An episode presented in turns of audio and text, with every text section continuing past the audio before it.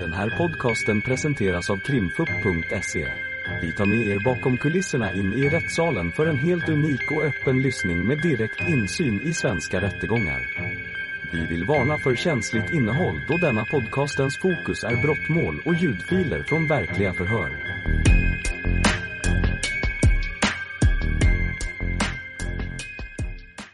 Varsågod åklagaren. Ja.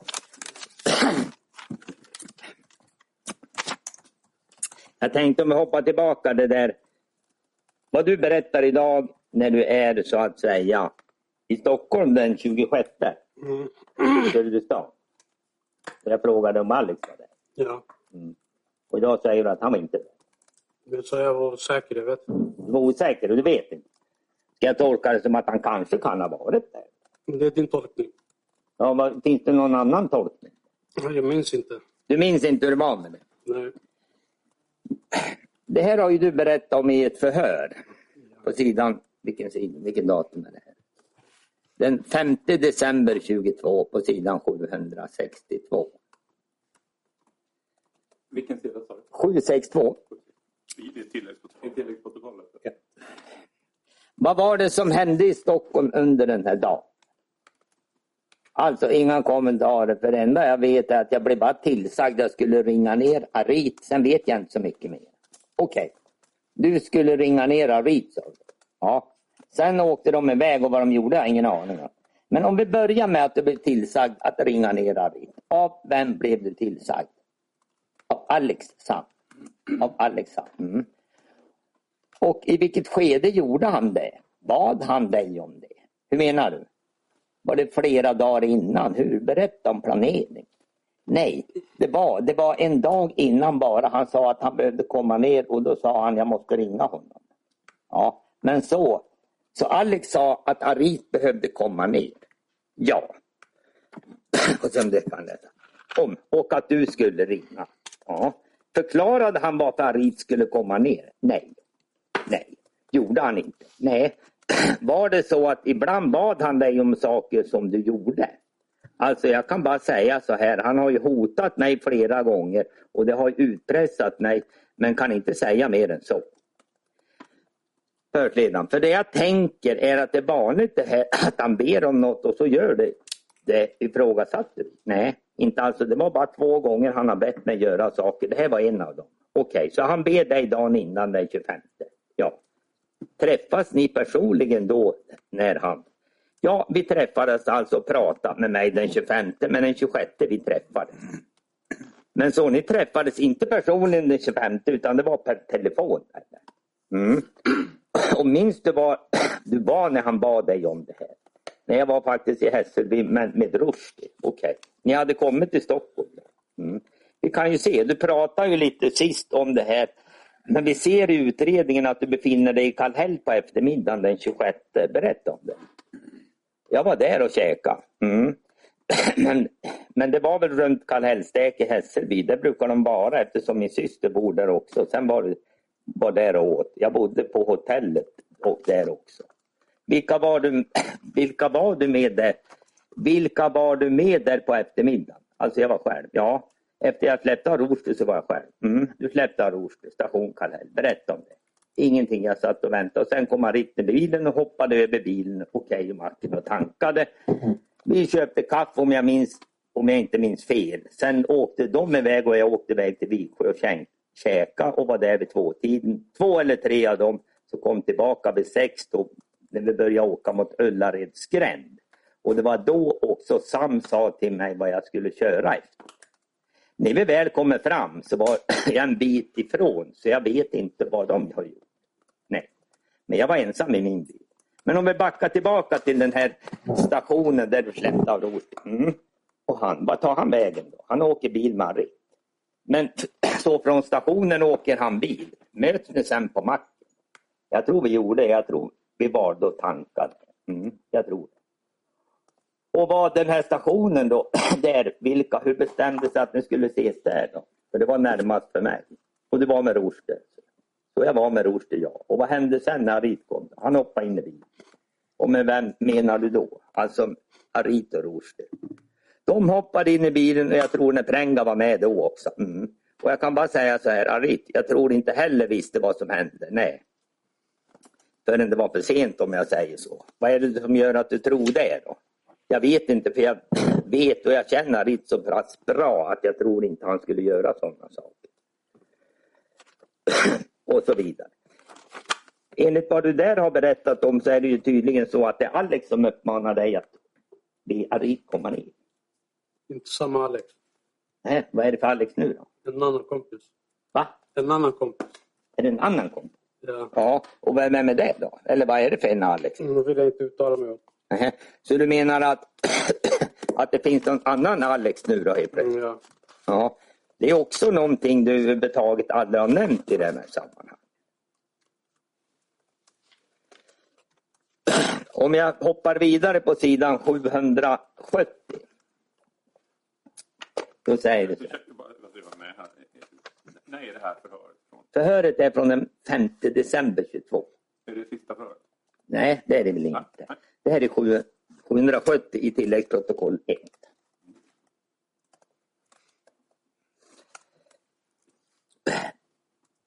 Då säger du så här om vi tar lite. Jag åker mot, det lite ner om mitten. Jag åker mot Viksjö restaurang. Mm. Kurdiska restaurangen i Viksjö. Och varför just den? För jag älskar att äta där. Du älskar att äta där? Ja, det är kurdisk mat så jag är stammis där. Och berätta mer om ditt besök på restaurangen. Då. Ingenting, jag bara satt där och käkade. Och sen någon timme efter så kommer Alex dit och en kvart efter så kom Arit med bilen med Rushdie och Prenga i bilen. Så ja, vi träffades ute och jag satt i bilen och jag skulle åka iväg men han sa till mig att vänta och de pratade ute, alla fyra. Vem var det som sa vänta? Det är Alex. Och då vänta. Och då vänta till dig. Ja, han sa till vänta, åk inte. Och jag sa till dem att jag skulle åka efter Arit. Så du är där på, du är där och äter. Mm. Och sen efter någon timme säger du kommer. Alex, Alex. Men och efter ytterligare en kvart, vad är det Alex säger när han kommer till dig? Vad pratar han om? Inte så mycket alltså, hej hur är det? Ja vänta grabbarna kommer snart. Sen vill jag att du åker efter dem. Mm. Inget mer. När du frågar du någonting. Nej, jag sa bara att jag har bråttom hem. Då han sa till mig att ja, men vi åker mot Älvsjö. Sen är det, kan ni börja åka uppåt. Mm. Och sen när jag väl kommer till Älvsjö så parkerar jag och de går iväg. Mm. Och jag ser bilen alltså. Vi är en bit ifrån. Vi håller oss kvar lite på restaurangen. Du är där, han kommer dit och vad frågar du honom någonting om varför? Nej, du ska åka efter eller? Ja. Vad beror det på? Helt ärligt, jag vet inte. Jag frågar inte. Kommer Alex in på restaurangen, är det där ni möts? Nej, jag tror vi möttes utanför på parkeringen bakom den här livsbutiken. Och så du äter, vad är orsaken till att du går ut? Jag är klar då att Alex kommer. Du vet att han är där. Han ringde och bad mig komma ut. Okej, okay. så du får ett samtal, ja. Inne på restaurangen. På restaurangen, ja. Vad säger han? Ingenting. Han säger att han är utanför och jag ska komma ut och prata lite och sen när jag kommer ut och pratar så bara, ja hej hur mår du? Inget mer. Och vad hände sen på parkeringen? Sen tog det inte lång tid så kommer Rit, Rushdie och Präng. Mm. Och de pratar sen, jag går till min bil, hämtar cigaretter och sen blir jag tillsagd och de åker efter. Mm. Tänker, när Alex kontaktar dig, på vilket sätt gör han det? På Snap? Du säger ringer. Ja, men jag tror han ringde mig på Snap. Ja, Snapp eller signal, han hade ingen vanligt nummer till mig. Nej, något av dem. Använde han sin telefon eller någon annan, i te någon annan telefon? Ja, han har alltid två, tre telefoner i handen. Mm, det hade han. Mm. Vad vet du om det var för telefon? Nej. Så du sitter och äter, sen får du ett samtal som gör att du går ut och när du äter klart Visste Alex om att du skulle vara på den här restaurangen? Det tror jag Rushdie sagt till honom att vi skulle mötas där. Okej. Okay. Visste Rushdie om att du skulle... Ja.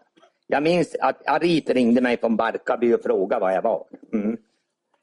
När de hade varit och käkat. Mm. Så sa de till så, så sa jag till dem att jag är på kurdiska restauranger. Jag tror jag skickade till och med namn och adressen på dem. Ja, du fick ett örors Rushdie sms av dig 1631 restaurang Viksjö. Nej, jag smsade han. Är det du som smsar? Jag smsade för att jag var där. Ja, där, enligt vad du har sagt i det här förhöret då, så har, det råder väl, om man, enligt vad du säger då i förhöret så är det väl ingen tvekan där i förhöret att Alex har varit på den där platsen? Sam? Eller Sam eller Alex? Ja, eller, ja. det Men då är det inte den vi pratar om här i rättssalen. Nej. Det är någon helt annan du pratar om. Ja. Ja. Och du har ju det här att du säger att du skulle hämta, vara till Skärholmen och hämta 200 gram och sånt där. Mm. Ja, det är ju ingenting som nämns här. Eller? Men jag glömde nämna det. Glömde? Ja. Ja men det är ju, det är ju liksom, ja. Det, har ju hållits flera förhör med dig vid flera tillfällen. Skulle du ha glömt att nämna det då? då? Jag tyckte inte det var viktigt då kanske. Nej, viktigt, det blir sig inte så viktigt men man kunde ju, du berättar ju om mycket annat men varför skulle du inte ha nämnt det? Sen om vi fortsätter.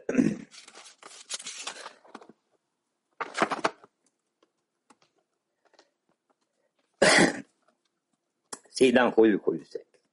Jag tror det bara Rushdie och Sam som vet. Du tror det? Ja, ursäkta. 776. Du tror eller du vet det. Jag tror det är bara dem. Det är bara de som brukar ha kontakt. Varken jag eller Arit eller Prenga brukar ringa till Sam. Ja, men du har ju tidigare förhör sagt att Sam ligger bakom den här bytesaffären som sker. Mm. Mm. Ja, men det vad jag fick reda på i efterhand. Okej. Ja, och det har jag sagt i förhöret två gånger.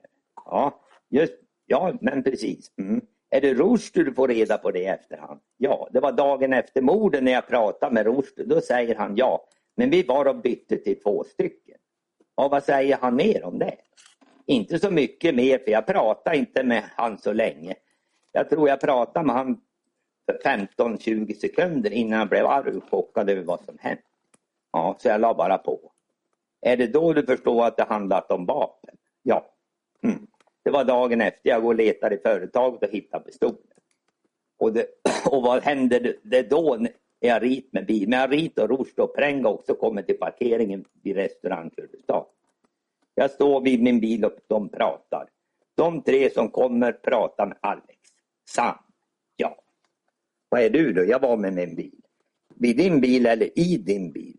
Vid din bil. Hur långt avstånd är det däremellan? 10-15 meter. Vad pratar ni om? Och så vidare. Jag hör inte, nej. Det enda jag får reda på sen är att jag ska åka efter dem. Just det. Du har sagt att Alex säger till dem att du ska åka efter. Ja, där nämnde du ju också att, att du själva verket skulle ha följt Rit, Prenga och Rushdie och åka efter den följande. jag sa ju tidigare att jag gjorde det och sen av veckan. Ja. Att, men du gjorde en avvikelse och hämtade två hektar hasch då? Ja. Och sen anslöt du till dem? ja. Mm. Då kommer ju frågan, vad var det som fick dig att ansluta till dem? För vi skulle åka tillsammans upp. Jaha. Enligt vad du sa i de här förhören så hade du ju Alex uppmanat dig att åka. Det var inte så? Nej, inte han i alla fall. Nej, det var inte han, det var en annan Alex. Mm, Ja. Känner du många? Två, tre. Två, tre stycken? Ja. Ja. Alex Sam säger du här. Känner du flera som kallas både Alex Mm, och Sam? Sam heter han i min värld. Va? Han heter Sam i min värld. Och vem heter det? Han, Han heter Samuel. Mm. Ja, för du, använder ju... I det här förhöret jag nyss läste så sa du ju både Sam och ja, både Alex det och var Sam. de som sa till mig. Ja, det var väl, jag läste ju så vi hörde ju. Du fortsätter på sidan 778. Mm. Och jag åker efter till Älvsjö. Är du ensam då? Jag är ensam med min bil. Men, och du åker efter Ritz bil och vilken är det Ritz bil då? Rushdie och Prenga och Alex då? Han åkte iväg med sin egen bil, jag vet inte vart. Nej. Och de var också till Älvsjö, jag har ingen aning, ingen aning.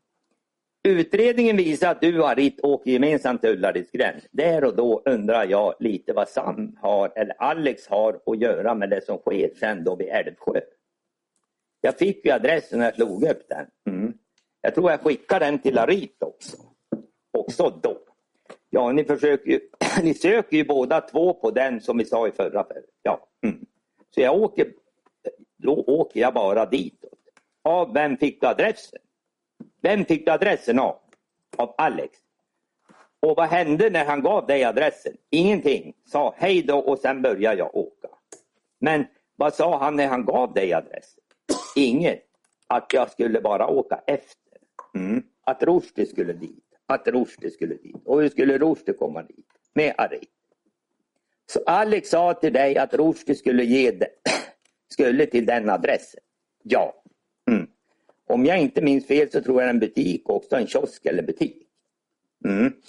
Har jag för mig. Men vi kommer tillbaka lite mer sen. Vi ska bara prata om en väska också från förra förhöret. Du såg en bild på en väska och då sa du med bestämdhet att den väskan har aldrig varit i din bil.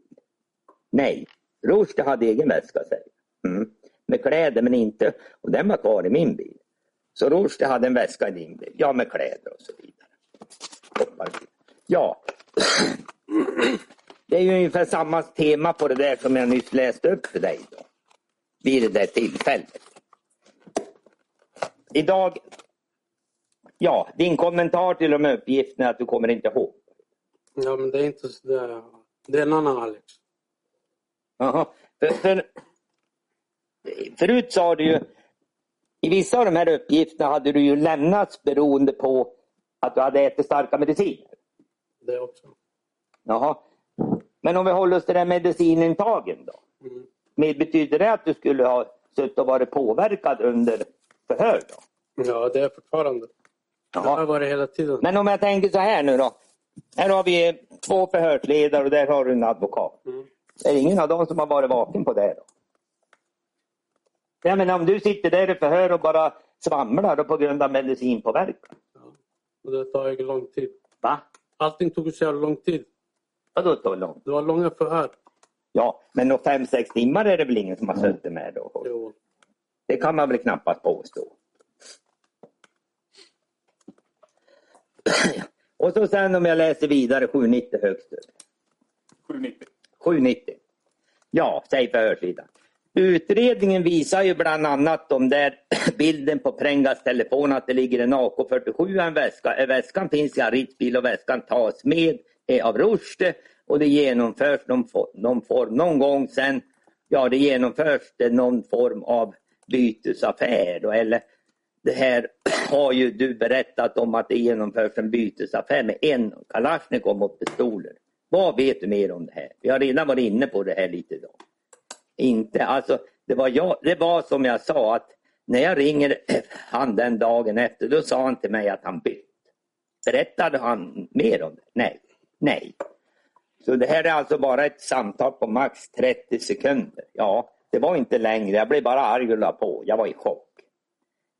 Men det är väl Ullared som det här sker skulle du säga. Jag kan inte säga så någonting men jag antar väl. Du antar efter att ha tagit del av utredningsmaterial eller vad vi sagt till dig? Ja exakt. Men det är vad jag tagit del av och jag kan pyssla ihop, ja det kanske det. Men kanske det och den här bytesaffären, vad är din uppfattning om vem som har planerat den? Alex. Och det, vad baserar du det på? Ja, sättet som han ber mig och Arit komma ner och att jag ska åka efter, men ja, han vet ju någonting. Mm. Och vet du vem eller vilka som genomför det här bytet? Jag vet inte, jag vet bara att de två satt kvar i bilen. Ja, så vid Ullaredsgränd ja. ja. Men kan det ha skett någon annanstans? Jag kan inte uttala. ja, här pratas det ju också om att det som att man har bytt en Kalashnikov mot två pistoler. Det var jag hörde. Ja, jo, jo, Rushdie ska jag ha berättat det för dig. Mm. Jag kan inte säga det om det var Rushdie eller någon annan. Mm. Men då frågar jag dig så här nu då. Har du hört att någon har sagt att man har bytt en Kalashnikov mot två pistoler? Det var jag hörde. Och när, vad jag hörde och när hörde du det av vem? Då? Det var någon dag efter. Ja, och vem fick du höra det? Det kan jag inte uttala mig om. Ja. Enligt vad du har sagt i detta förhör som jag nyss läste skulle det vara Rushdie som har sagt. Det kan inte uttala mig om. Nej, du kommer inte ihåg vem som sa det. Nej. Men jag ska uppfatta det ändå som att du har hört att någon har sagt det. Det var en annan sak du också idag när du hörs. Vi hoppar från den där Stockholm. Vad vi nu kallar det då. Det här som vi pratar om mötet på Eurocar som jag kallar. Mm. Mm. Mo- Modi säger kalas och du säger att det var ingen möte. Nej. Är det så vi ska? Ja. Så att du berättar att, men du menar att det har aldrig ägt rum något möte här? Nej. Innan vi går in på det. Jag kan också en sak jag frågar. Har det varit någon provskjutningar i lokalen? Absolut inte. Ja, men polisen har ju hittat kulhål. Ja, det är ingenting jag visste om. Nej. Om vi säger, men du har noterat att det finns kulhål i lokalen? Det vad jag har sett i Du har sett? Ja. Ja. Och när fick du då reda på första gången att detta hade skett? Det var när jag fick uh, kuppen. När du fick upp det? Ja. Så att du har levt liksom ovetande om det förrän polisen talade om det? Ja. Men märkte du inte? Du var ju där på Eurocar. Kunde du inte se att Tror jag att jag kollar på varenda hål. Va? Jag går inte runt och kollar på Nej, nej. Det gör väl ingen människa att springa och leta kulhål där man är. Men jag menar, ibland kanske man ser saker utan att man ens Kanske jag dem. dum men jag är ingen jävla idiot. Så kan jag säga. Ja, men vad jag, vad jag är ute efter borde du... Du var ju där rätt mycket. Ja. Ja, då kunde man ju undra om du inte borde ha sett det där. Det är ingenting jag har lagt märke till. Så du, du var där men märkte dem inte. Men polisen visar dig att du har varit. Ja, efter en mannens uh, uppgifter. Har det varit tal om att det har varit något... Det är ingen som har sagt att de har skjutit med pistolen. Du har ingen uppfattning vem som skulle kunna tänkas ha gjort det heller. Absolut inte. Det är ingen grund för att påstå vem det kan vara. Jag kan inte påstå så. Nej, nej, du vet ingenting om det. Men du vet nu att detta har varit. Det finns ju då, det här du kallar att det har ju aldrig varit något möte på Mm. Det är ju din in- inställning idag när du berättar. Så att påstående om att man har haft något sånt, det, det, det finns inte. Du är ju hörd på sidan hun- 801 i ett förhör den 5 december. Förlåt, vilken sida? Åt- 801, 801. Tack. Tillägg 1. Då står det så här. S. Nej. Ja, vi kan ju ta det från början så det blir något sammanhang. Förhörsledaren säger på 800. Nej, vi trummar, vi trummar lite. Vi går vidare med brottsmisstanken om stämpling till grovt narkotikabrott och det här mötet som sker i Eurocarlokalen 28 februari. I utredningen har ni lös, löpande fått läsa nu på senare tid och dokumentation, bland annat förhör och du har läst tidigare och har sagt att det är någonting då du idag vill ändra eller lägga till. Nej, och så, nej, förutom att jag jobbar var jag inte med i själva mötet. Jag var inte med aktiv där. Jag jobbade och och det kan ju vem. Det finns flera vittnen som kan berätta om det. Det enda gången jag var med på mötet det var när jag blev kallad upp av Sam och jag blev tillsagt att jag skulle ta emot 5 kilo hasch och 100 gram kokain. Och de hade lagt upp en plan. Sen gick jag ner och fortsatte mitt jobb. Ja, man kan stanna där då. Det är ju en uppgift som du lämnar då, då du delges den där misstanken. Mm, Jag har ingen minne. Vadå? Jag minns inte att jag har sagt det. Nej. Men tydligen måste du väl ha gjort det eftersom det står det. Mm. Och så läser jag vidare. Mm. Så det var bara det. Du säger plan. Vad? Alltså de hade. Och så, nej men, och så säger du. Nej men Mode och Emoajab och de hade fått tillsägelse om vad de skulle ta emot. Och det var Alex sa också att ja, men de ska ta emot och du ska också ta emot. Ja, så mycket. Ja, okej. Men jag fortsatte mitt jobb. Du säger till, tillsägelse vad liksom Alex hade sagt. Nej, han hade ju sagt till, ja jag vet inte exakt, men han hade sagt till dem om vad de skulle ta emot, hur mycket. Säger du. Det har ju de uppgifter förhör som du har fått ta del av. Mm. Menar du att han har sagt det till dig också? Ja. Jag berättar mer om det. Hur sa det? Och han sa bara, men de här ska ta emot en hel del och du ska ta emot exakt samma. Mm. Och så säger du, så då har väl Modi fem kilo, Moayed fem och jag fem. Och sen 100 gram kokain var. Sen gick jag ner och fortsatte med mitt jobb för jag var jävligt stressad. Och så förhörsledaren, men du sa att han kallat upp dig. På vilket sätt kallar han upp dig? Nej, han säger till mig Soldat, kan du komma upp? Jag var i tvätthallen. Gick han ner och hämtade dig? Nej, han ropade. Han ropade och hörde ut i tvätthallen. Ja, ifrån trappan ner dit exakt mitt emot. När han säger det där vad är, är Rushdie, vad gör Rushdie då? Han sitter bredvid honom. Hur uppfattar du det? Äh, det är de två som har bestämt. Ja, och du säger att Mode och Mojad också har fått höra. Mm. Är det något, hör du han säger till dem? Nej. Jag har inte fått höra det, men det är vad Alex säger, jag, liksom ja, men de ska ju ta emot en del och det är, här är din del. Får du sakerna där och då? Nej, nej, nej. Nej, Vad är det som ska skickas upp då? Det ska skickas upp. Ja, vad är planen? Berätta. Jag vet ingenting. Nej, jag vet inte vad planen är eller hur det är. Men när du kommer upp då säger han Du säger att han kallar upp dig. Var det första gången du var på övervåningen? Alltså jag var ju uppe när de kom.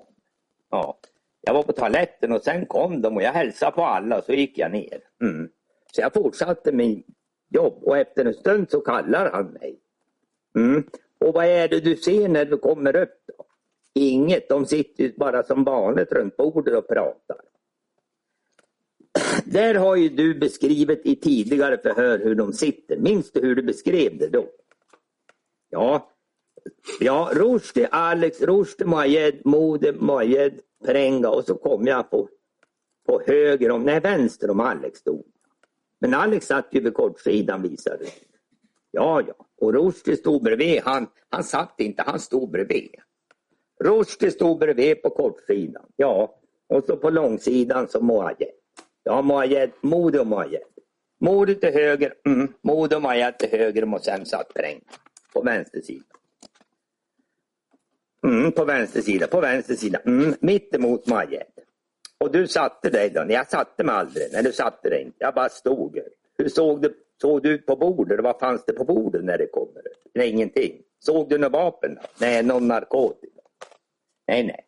Och vad, vad? Han kommer upp eller kommer du upp och vad han säger till dig då? Du ska ja, sälja lite, må vad säga. Han säger till mig bara att jag ska ta, ja, som jag sa, sa att ja, men de ska ta emot si och så mycket och du ska också ta emot. Och vad hände sen? Ingenting, bara okej okay. och sen fortsatte jag mitt jobb. Alltså det var ingen dålig stämning kan jag påstå. Nej, för min fråga är ju känslan. Stämningen var helt vanlig. Vad betyder det? Ja. Jag tänkte ju där, där berättade ju du, eftersom du nu då förnekade att det överhuvudtaget har skett någonting som man kallar möte så i det här förhöret så tycker jag att det är ganska tydligt att det har varit ett möte där Alex, Sam eller vad vi kallar han, har delat, lagt på en narkotika. Även dig. Men, ursäkta ordförande. Det är ju åklagarens uppfattning. Nej men han säger ju det i förhöret. Skulle be han kommentera? Jo, men han kan ju kommentera det. Det var dit jag ville komma. Vad har du för kommentar till det jag läste? Har du någon kommentar, Sordas? Nej. Uh-huh. Ja, jag läser ju ett förhör med honom. Ja. Han behöver ju inte svara. Så. Nej, nej. Nej, nej. Nej, men, men alltså.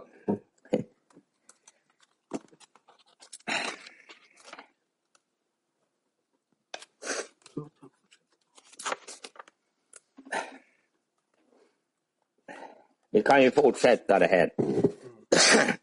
805. Är det något som avviker? Ja, det får jag väl säga. Mm.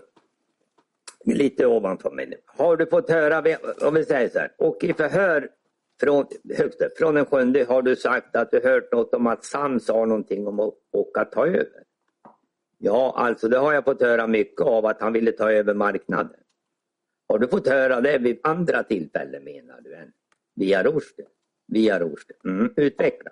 Alltså jag kan inte utveckla så mycket mer än vad jag... De.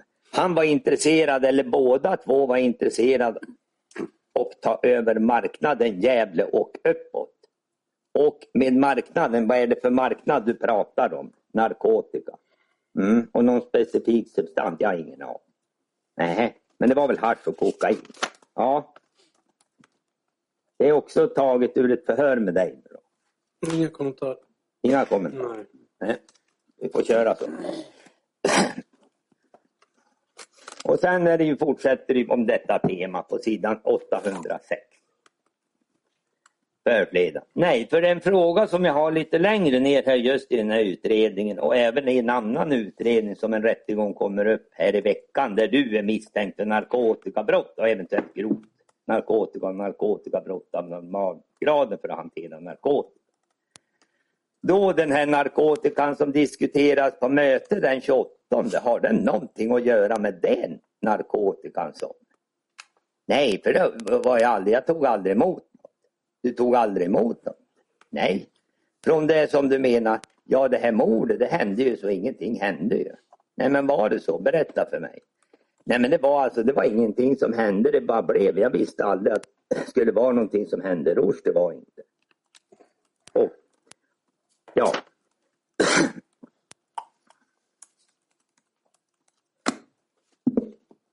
Och sen har vi ju då också det här om vi fortsätter på 809. Alltså, nu läser man vad du säger. Alltså de var ju med varandra under hela dagen. De hade ju träffat Sam också på dagen i stan. De hade ju suttit och pratat i stan också. Är det här uppgifter som du vet eller har du läst utredningen? Jag vet, nej jag vet. Innan. Så jag vet ju att de träffades i stan för att det var ju då de kom upp allihopa med bilen. Då var ju Moayed, Prenga, Rushdie, Alex och Mode. De kom ju i en bil. Alla fem menar du. Ja. Kom i samma bil till mötet den dagen. Kom till mötet då den. Ja. Det berättar ju också där om att alla dessa fem har kommit i samma bil till detta möte. Har du någon kommentar? Det kan hända att jag har sagt men jag minns inte. Nej, så kan du ha sagt, men du är osäker på om du sagt.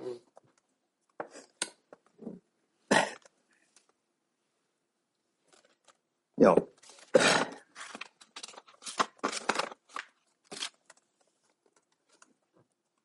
Om vi frågar, nu får vi hoppa tillbaka från den 7 juli 3246.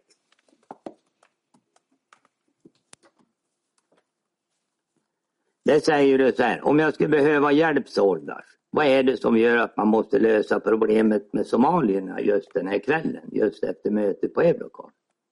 Du svarar, bra fråga. Fråga Mode, alltså det är en jävla bra fråga liksom. Sam är där. Mm. De är där. Allihop har ju suttit och haft ett möte och lösa problem. Om vi backar till Eurocon, ja. Vad är det du hinner uppfatta de korta stunder du är där uppe vid mötet? Hur menar du? Och vad som sägs, hur man pratar, vad pratar man? Ja men jag sa till dig, alltså jag springer upp, jag tittar och sen går jag Sen går jag och hämtar mina grejer och så går jag ner. Och så vidare. Det kommer man ju in på den här diskussionen om det var problem med eventuellt Somalia. Mm, det var polisen som påstod det där, inte jag. Så du menar att, att det skulle vara om vi håller oss till det då på sidan då vi pratar om Somalia 3251.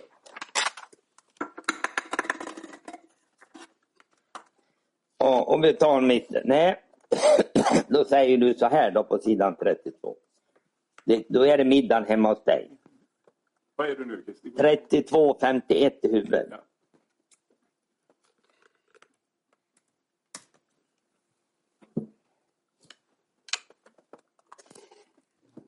Då är vi tillbaka till middagen på vänortsvägen. Okej. Du säger, vi brukar äta vid sex. Sen beskriver du att det pratas hemma hos dig. Mm. Och det här med att lösa problemet med somalierna i Söderhamn då, att det är Rushdie och Mode som pratar om det. Ja. Men du får uppfattningen om vem som, vem som säger att det måste lösas och vem som ska lösa det. Nej, alltså. De båda satt ju och pratade om det tillsammans. De satt ju bredvid varandra. Att de måste åka till Söderhamn. De har ett möte. Mm. Och sitta och prata med dem och lösa det här problemet. Mm.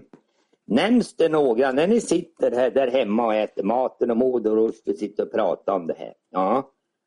Och att det kanske måste åka till, att det kanske måste åka till Söderhamn. Nämns det några andra namn i det här sammanhanget? Inte vad jag kan tänka mig, inte vad jag minns.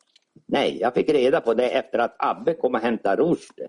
Men det nämndes ingenting, nej. För han, nej. För han skulle åka med Mode, de gick ut tillsammans. Ja, det framgick i er undersökning att jag fick reda på det.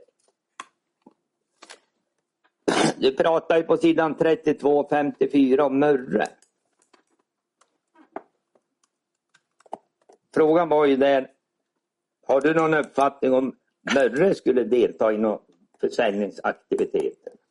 Inte vad jag vet. Det var du det. På sidan 32-53 kan man väl säga 32-54. Jag hoppar. Den här kvällen eller senare, gör du upp några deal om att göra narkotikaaffärer mot Sam? Nej. Gör Moder det? Det vet jag inte. Gör Mörre det, Mora Barko? Nej, men jag fick reda på efter att han blev hotad till att sälja åt dem. Hur fick du reda på det? Det var Frida som berättade. Så Frida berättade för dig. Ja, de hade försökt att hota honom att han skulle sälja men nej. Och vilka mängder pratas det om det då? Det vet jag inte. Alltså jag och Mörre pratade inte om det då eftersom vi bråkade angående, angående valpen. Då. Men Mörre alltså han, vad ska vi säga om Mörre? Mörre är en annan. Han har varit mycket med narkotika och använde mycket kokain förut. Jag fick honom att sluta med det där och så vidare. Ja, vad du nämner där är ju att han också skulle ha blivit hotad att sälja narkotika. Det var väl dit jag ville komma med det där.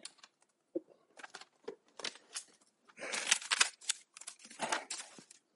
Nej, nu ska vi ta det. Jag tänkte på en annan sak, kanske ni ska gå då.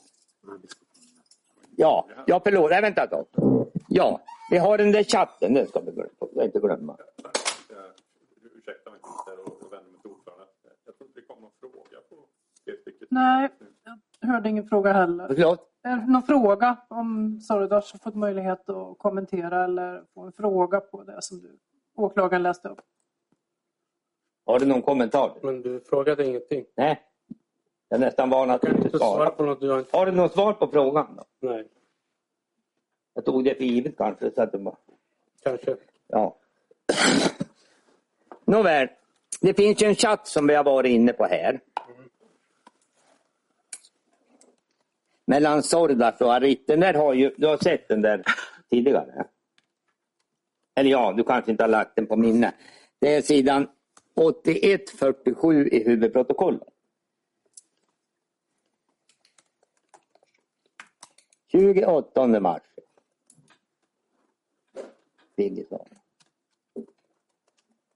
Ja, och då står det, det här, hur mycket är du skyldig Sam? 100. Hur mycket har du? Tänkte om vi betalade din skuld så hämtar du en femma från han. Just nu noll. Har fått många bokningar här Valla. Ska se vad jag kan göra till imorgon kväll men kolla med han om han har fått något nytt. Och så frågan, hur ska vi betala? De hundra. Allt. Inom två, tre veckor. Kolla hur lång tid du får. Har en som kommer hem under veckan och han i Märsta svarar inte, vet inte varför, så jag måste kolla alla möjligheter. Med dem. Ja. De, den andra kommer fredag tror jag. De hundra kan jag nog lösa. Jag vill inget skriva till han än bror. Jag kommer att behöva, hör också, behöva vad? Grejer. Jag tänkte inte ta allt bror. Okej. Okay. Men jag kommer ner imorgon och har löst skjuts. Avvakta en dag till. Ja, frågan var ju där. Det diskuteras ju hur mycket ni var skyldig Sam. Ja. Mm. Du och Rit har en diskussion. ja, det behöver inte betyda att det är samma sam. Nähä. Utan då, då säger vi så här då. Vad är det? Jag betyder, behöver inte betyda att det är samma sam. Nej. Nej, det kanske inte behöver betyda. Men vad är det här för sam? Det, det här behöver betyda att det är. Ja, Det är bara en skuld som jag diskuterar med Arit. Ja, och vem är det till då? Det är en annan kille. Ja, en annan kille. Han heter han Sam han. Ja. Så du har skulder till två Sam? Nej. Nähä. Jag tycker du pratar ju om den här... har. Förlåt? Det är inte jag som har skulden. Det är inte du som har det. Nej, men hur mycket är du skyldig? Är Arit som har skulden? Är det Men så? det. Ja, ja. så. Men det pratas ju om att ta en femma. Men det kan vara fem av vad som helst. Det kan det väl inte vara? Jo. Ja, vad är det då? Ja, men ni vet väl vad ni pratar om, om ni ska ta en femma? Ja. Ja. Då, när jag Rit och du diskuterar att ni ska betala en skuld och ta en femma, då uppstår ju frågan, vad handlar det om då? Vad är femma för dig? Ja, det är fem siffran fem. Men vad är det? Nu var det ju inte bara det för mig. Nej, men hur tolkar du den? ja, ja, jag tolkar ju naturligtvis att narkotika är. Ja, Och vad tolkar det du kan då? vara fem gram. Fem gram. Ja. Så ni liksom var det ni dividerade om 100 000 i skuld och fem gram skulle ni hämta? Det står hundra, det står inte hundratusen. Nej, det var 100 kronor ni var skyldiga då. Kanske. Det kan ha varit det. Mm. Så var skyldiga en hundring och lura på att ta en femma, fem gram. Sen har vi om den där fortsättningen på det där. Det handlar ju om att vad vi har varit inne på här så var ju Rit nere i Malmö. Mm. Ja. Och då har han ju tydligen lämnat pengar till Serva. Nej, han skulle få Förlåt? Han skulle få av sig det, va? Han skulle få pengar. Ja, vad skulle hända med de pengarna? Han skulle lämna till skuld. Ja, och vem hade den skulden? Då var de, jag hade diskuterat med Sam som han skulle få. Vad sa du? När Sam var hemma uppe i Hudiksvall, vi hade pratat om pengarna, då fick han dem. Ja, men är det Sam som sitter här nu? Ja, det är min skuld. Det är din skuld? Ja. Ja. Du berättade ju här att du var skyldig Sam de här, för den där skulden. ja, men det har inte med den där hundringen att göra. Jag skyllde honom 200 sa jag. Jo, det sa du ju. 300. Men nu pratar jag om resan RIT gör från Malmö och diskussionerna om att besöka Serva och lämna pengar. Mm. Ja. Och då frågar jag dig så här då. Vad handlar det om då? Pengarna som skulle till Sam, som jag var skyldig. Den är Sam där borta. Ja. Och, då, och då skulle det swishas 20 och det skulle lämnas 60 kontanter. Och så uppfattar man som att det blev något vingel med 20. Eller hur var det då? Mm, Jag vet, jag minns inte riktigt. Du minns? Det var. Nåväl, men nu behöver vi inte fördjupa oss i själva skulden. Men detta handlade om pengar som denne Sam här skulle ha. Då. Ja, han har det. betalat en skuld istället för mig. Ja. Men det är den skulden du har pratat om tidigare då, Ja. som han tog över. Då. Ja, Det här var en avbetalning på den. ja. Mm. Jag tänkte ändå när du pratar om den där skulden så har du ju faktiskt i olika förhör sagt att skulden Sam härrörde från beskydd. Mm, Nej, jag minns inte. Ja, vad är det? ja men du har sagt det så i flera förhör. Kan hända, men jag minns Det kan hända. Men nu är det i själva verket så att det är en skuld som han har tagit över. Men vad som är lite man kan tänka sig då är ju att om du har sagt att det var beskydd eller om att han hade en fordran på det. Det finns ju ingenting här som tyder på att något sånt finns. Man skulle hitta någon liten chatt som gav stöd för ett sånt påstående. Man behöver inte diskutera allt på chatt. Nej, men det är mycket som diskuteras. Men just ingenting av något sånt har det gått att hitta i alla de här chattarna och allt möjligt. Så gör det. Utan min tolkning, men det begriper jag att det är min, det är ju snarare att ni gör narkotikaaffärer emellan. Kan hända. Det kan hända. Betyder det att det skulle kunna vara så att ni gör det? Då? Ja, jag, jag säger inte att jag har gjort narkotikaaffärer med honom. Nähä. Nu så, om vi säger så här då.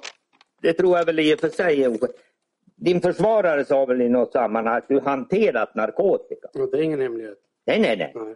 Du har, alltså, det, har det pågått ganska lång tid? Det vill jag inte uttala mig om. Nej.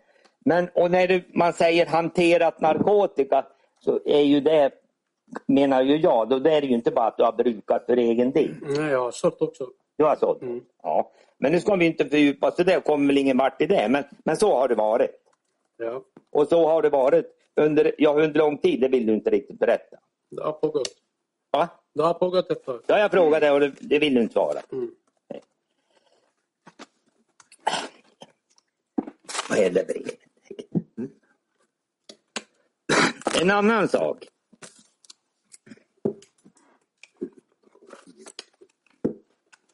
Vi kom in på en annan sak.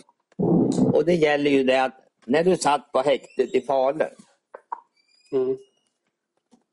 bakom en så kallad spolknapp i toaletten. Ja, den där lappen, ja. Ja, då hittar man ju en lapp. Och det är ju ett brev som du har skrivit som man hittar bakom spolknappen. Ja, Mm. Det lyder, och då tänkte jag, det har du ju då, kan man väl uppfatta, eller ett om det är två, det må vara. Där kan man väl skriva och säga att du har skrivit anvisningar till Frida, din dotter och Serva om vad eventuellt de ska säga om det blir aktuellt. Eller? Mm. Ja, jag menar det, är det, det är väl så. men de fick ju aldrig den. Nej men lugn nu. Eh, Det, det är en annan sak. Mm. Om vi håller oss till det då. Poli- man tog ju den där lappen i beslag. Ja. Ja, du var väl där när man gjorde beslaget? Ja, jag var inte där. Jag var på promenad. Men de gjorde... Vad sa du? De, jag var på promenaderna. De... Ja, ja. Du, du var på en promenad och så när du kommer tillbaka så har de gjort beslag. Mm. Då får du reda på det. Förlåt ordförande, Nej. men jag måste bara avbryta här lite. Ber. Men nu ställer eh, åklagaren frågor om det förhörstema som eh, Ja. John Linelv ska svara på frågor Ja. om i sitt förhör. Och då tycker inte jag att det är Nej, lämpligt att... vi är helt eniga om det. Vi har bestämt så. Men själva lappen i sig tänkte jag berörde inte dem. Men de kan gå ut Men om du redan nu. läser ditt egna förhörstema så... Ja, ja, ja. Okej, det gå ut därifrån. Men, men om vi säger, ja, ja. Jag hade tänkt att de skulle gå ut. Men vi kan köra ut dem redan nu. Ja, men det är ju lämpligt. Ja, Det är ju lämpligt. ja, ja. ja. Jo, men jag har hett ut dem nu. Så att, Jag ska ringa klasskolan lite snabbt. ska vi vänta då på? Nej, nej, nej, kör ni. Ja. Vilken sida är det nu på? Nu är vi på. 1077. Ska vi se om det. Det här är väl... Ja, det är ju ett tilläggsprotokoll. Nu skulle han ha varit här och svarat på det. Det är nog 1077 huvudprotokoll. Ja, det är det kanske. Ja, det är det ju naturligtvis. Jag ska vi se vad vi har där. Jag ska leta fram det.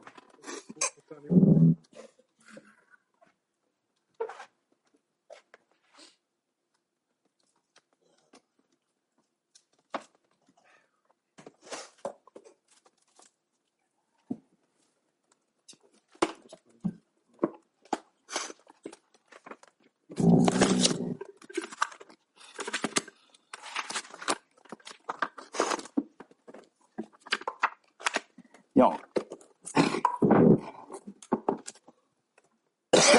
Om vi säger så här nu då, Sardar. Du berättade att du, beslaget gjordes och då kommer, hade du varit ute på en promenad. Mm. Ja. Och när du kommer tillbaka så får du reda på att man gjort ett beslag. Nej, När får du reda på det? efter besöket. Efter Först besöket? tittade man lappen, sen hade man förhört Serva och sen fick jag ta en besök. Då fick jag reda på det efter. Ja. Men du märkte väl om lappen var borta när du kom tillbaka? Nej, jag fick reda på det innan jag gick tillbaka till cellen. Förlåt? Jag fick reda på det när jag gick tillbaka till cellen. Ja, ja, efter promenad. Nej. Jag var på promenad, de hade gjort eh, grundlig undersökning där och sen gick, hade man förhör med Serva. Och sen eh, besök och efter besöket fick jag reda på det. Jaha. Okej då, och när hade du skrivit denna lapp? Jag minns inte riktigt. Nej, men var det så att säga flera dagar eller bara någon dag innan eller samma dag? Jag minns inte. Mm. Men om vi tittar vad du har skrivit i det här nu då. Skriver du så här. De har hittat videon angående Mar Mar. Du och jag har fungerat som mellanhand då Malek är din barndomsvän. Skuld som jag har tagit över genom att hjälpa. Så. Du har träffat en vän då du hämtat 50 gram bruning till mig den gången när Dille fick reda på om Sam. Att Dille är skyldig mig pengar. Kunden, du vet ej vem det är. Säg inget mer än så. Era telefoner är avlyssnade. Arit ska in på förhör. Han måste säga att jag skickar han för att lämna pengar. Inte svara på mer än så snälla. Om de frågar om 50k jag lånat av hans syster. Varken Jon eller Fredrik, lita inte på det. Viktigt. Ni måste hitta minneskortet som låg i den svarta på vita skrivbordet.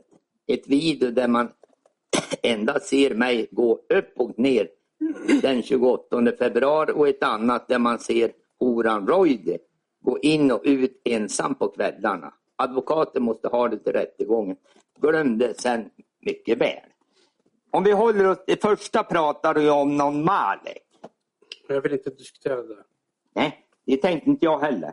Men om vi säger så här då. Denne Malek har väl ingenting i den här rättegången att göra? Nej. Va? Nej. Malek dök ju upp Jag vill tidigare. inte prata om... Nej, vi pratar inte om Malek. Men... Och någon Dille nämnde du ju också. Jag vill inte prata om dem. Nej, men jag åberopar en lapp till dig, mot dig. Mm. Och då måste jag ju ändå, kan inte bara låtsas om det. Ni måste hitta minneskortet som låg i den svarta på vita skrivbordet. En video där man ser endast, ja det har jag ju läst. Advokat. Du kanske kommer att förhöra dig om Maher och Moayed. Maher och Moayed måste bort. Ring han, säg att han måste gömma sig. Rädd att han pratar. Horan Modi sagt att jag hotat han med pistol. Morad är min granne här och enda som inte har pratat om mig. Håll kontakten med hans tjej. Tar med det när vi drar. Inte ett ord om vart vi ska. Om polisen vill prata med dig, gör det via telefon. Träffa, in, träffa dem inte, snälla. Stäng av platstjänst. vad jag menar här, vad du säger här, ja du säger ju en hel del, men vad som man kan möjligtvis hänga upp sig på här, här uppmanar ju du då att Moayed måste bort. Ställa en fråga till Sordo. Ja, frågan är varför skriver du att Moayed måste bort? Mm, Jag minns inte varför. Nej. Men någon tanke fanns det. Jag minns inte. Kan tanken vara den att han har uppgifter som är besvärande? Mm, Nej, det tycker jag inte. Nej. Och varför skulle han bort annars då? Jag minns inte varför. Du minns inte vad? Nej. Men du, tydligen har du i vart fall skrivit det trots att du inte minns varför. Då. Ja. Och sen skriver du det, lita inte på dessa horpoliser. Snälla, ni måste hitta det minneskortet från övervakningskameran. Min enda räddning från mycket. Du kommer att ställa frågor om då jag skrev, lämnade och då är det en bit, en liten bit på 20G. De tror det är en pistol. De kan inte knyta mig till mordet, men de försöker hela tiden. Det är vad du gör hela tiden. Ju. Ja, Jag ville att det här minneskortet skulle komma fram, inte bara för min del, för de andras del också, för att bevisa det finns inget möte, det finns ingenting planerat, det finns inget sånt som existerar. När jag flyttades till eh, Saltvik från Falun, då gav jag, bad jag Lise att göra husrannsakan både på Europcar och eh, hos eh, mitt ex för att hitta det här minneskortet som du vet också om. Men de hittade inte den för att jag ville bevisa att det finns ingenting som är planerat. Ja, men kan man, kan man se det på ett minneskort? Ja, men för att man kan se om de har suttit på ett möte eller vilka som har varit där och så vidare. Ja. Du hade ju då, i din, det finns ju bilder från den här dagen, från din övervakningskamera. Mm. Och det, dessa har väl hämtats från din telefon? De här bilderna kommer fram. Det sparas ju automatiskt så fort du öppnar en video. Men vad jag förstår då, att rent tekniskt så är de här övervakningskamerorna som finns, eller fanns på Eurocam, Mm. hade du en koppling till din mobil? Ja. Mm. Och de bilder som polis som finns i denna utredning, är väl hämtade ur din mobil? Ja. Så är det ju. Ja. Fanns det mer bilder eller var det vad som fanns där? När jag säger till dig, när man öppnar en video, första Ja. bilden det blir automatiskt det sparas. Du skriver också så här till Serva. Om det nu är samma sida, det är ju en annan sida. Om polisen frågar pengar till Sam så har du gett honom istället för mig gällande skydd. 60 kontant du har gett han. Om du har mött han så det är två gånger, i en gång Hässelby, en gång utanför dig. Han bara dök upp. Säg in, absolut inte mer än du måste, ingen kommentar. Om du mött någon gett, gett dessa något istället för mig så vet du inte vad det har varit, endast du lämnat. Och så ska de inte lita på hotpoliserna. Jag hjälper dem men samtidigt de försöker sätta dit mig. Du får aldrig säga att du vet att av något hasch i lägenheten, kodord, lakrits, hasch, gummigodis, vin. Hur mår Satjo? Hur mår Arit? Hur går pizzan? Hur går business? De litar på mig här mycket. Här nämner du där att om det där brevet har kommit fram nu så skulle Serva uppmanas att du skulle säga att pengarna har lämnats till Sam för beskydd. Det står så. Va? Ja, Det står så, ja. Mm. Och jag tänker, men när du skriver det, vad är tanken med det då? Mm, det är ingen tanke. Ja, vad skriver du det för då? Jag vet inte. Du vet inte? Samtidigt är det väl så att hon har lämnat pengar till Sam, sa du ju alldeles nyss. Va? Det var en för skulden, ja. Ja, för skull. Men vad hon skulle säga skulle det vara för beskydd? Om hon hade fått något av brevet. Det står tydligen så. Så styr det tydligen. Mm.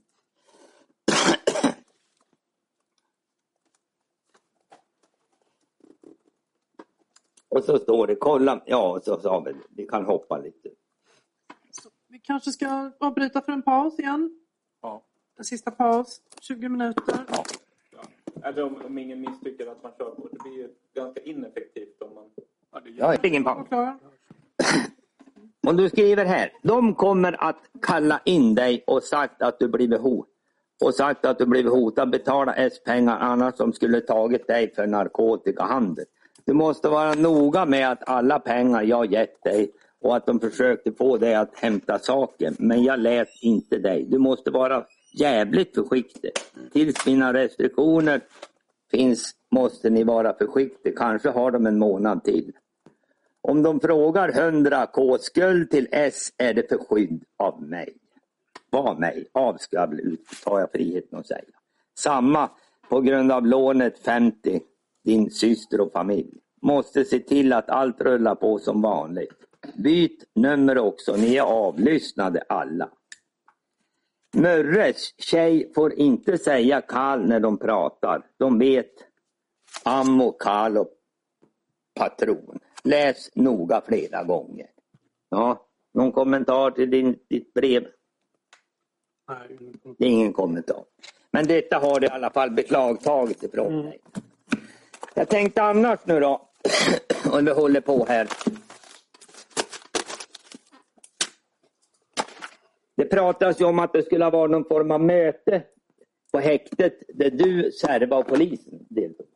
ja, tydligen Ja, vad har du att säga om det? fanns aldrig något möte.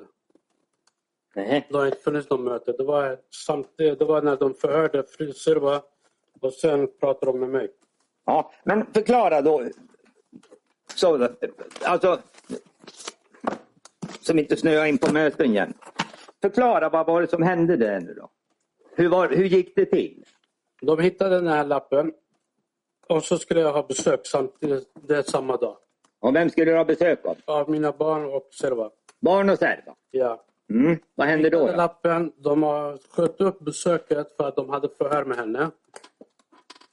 Ja. Okej. Och sen hade jag besök. Sen efter besöket pratade de med mig. Jaha. Och pratade de med dig? Det var Serva där? Nej, Serva var inte närvarande. nej. Om jag säger så här nu då. Så att jag har ju, det ska vi väl ta med polisen, jag har inte ens diskuterat med dem. Lappen hittas samma dag som Serva på besök. Mm. Ja. Du får träffa Serva och barn. Ja, Och är det dina barn? Ja. Ja. Hur små är de? Eller hur gamla är de? 8, 6, 3. Åt, åtta, 6, 3. Åtta, tre, åtta, sex. Då är det fyra stycken som är på besök. Ja, Frida och eh, deras mamma. Men, nej, det- Frida var inte med. Ja. Men okej. Men okej, Serva och dina barn är med. Mm. Din exfru eller fru? Ja, hon är också med. Hon är. Det är alltså fem på besök. Ja. Mm. Hur går själva, och detta besök nu då, hur, hur så att säga går det till rent fysiskt? Hur går det till? De sitter mitt emot mig, jag sitter på andra sidan. Det sitter alltid en polis, alltså två poliser på varsin sida. Mm. Ni, det är alltså ett bord vi pratar om? Ja. Ja. Jag fick aldrig sitta bredvid dem. Nej. Ja. Ena sidan sitter du. Ja. Kantibord, där sitter jag, här sitter barnen. Ja. Sitter en polis bredvid mig och en på andra sidan. ja. Så det är poliser med, två poliser det? Alltid. Vi, ja, alltid. Vi, vi tar, om vi håller oss till det här tillfället. Ja. Och så fick du prata med Serpa. Ja, som vanligt, vanliga s- prat alltså. Hur jag mår och vad jag gör. Ja. Hur, allt annat, som vanliga grejer. Jaha. Vart det något tal, om jag säger vid det där mötet, nämndes det någonting om, om vi pratar om den här utredningen överhuvudtaget? Aldrig. Ingenting. Nej. Men Inte när jag är på besök. inte när du är på besök, när du har besök menar. Mm. Och det här besöket med Servar, och du menar att det var aldrig tal om något sånt? Nej. Det pratas ju om att, om jag säger så här nu då, det finns ju förhör hållna med Servar. Ja. Och de har du kanske läst, Ja. det antar jag. Då är det ju de uppgifter hon lämnar. Har du läst vad hon har lämnat? ja. Ja. Och det är innan. Alltså, man har hittat lappen och sen man har förhört henne. Jaha. Så det är uppgifter som hon hade redan, hon visste om. Ja, hon har berättat det hon visste, är det det? Ja.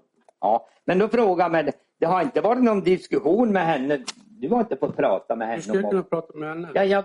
Nej, men alltså, förstår du vad jag menar? När jag pratar med mina barn eller med anhöriga, då har man lyssnat. Mm. Men jag får inte prata om utredningen, jag får inte nämna någon av dem här. En gång hade Rushdies advokat ringt till Frida och frågade om någon kedja. Då var det Eva, som, eller Maria, som, var, som lyssnade av samtalet. Hon råkade nämna namnet Rushdie, då blev hon arg. Ja, Man fick inte ens nämna någons namn.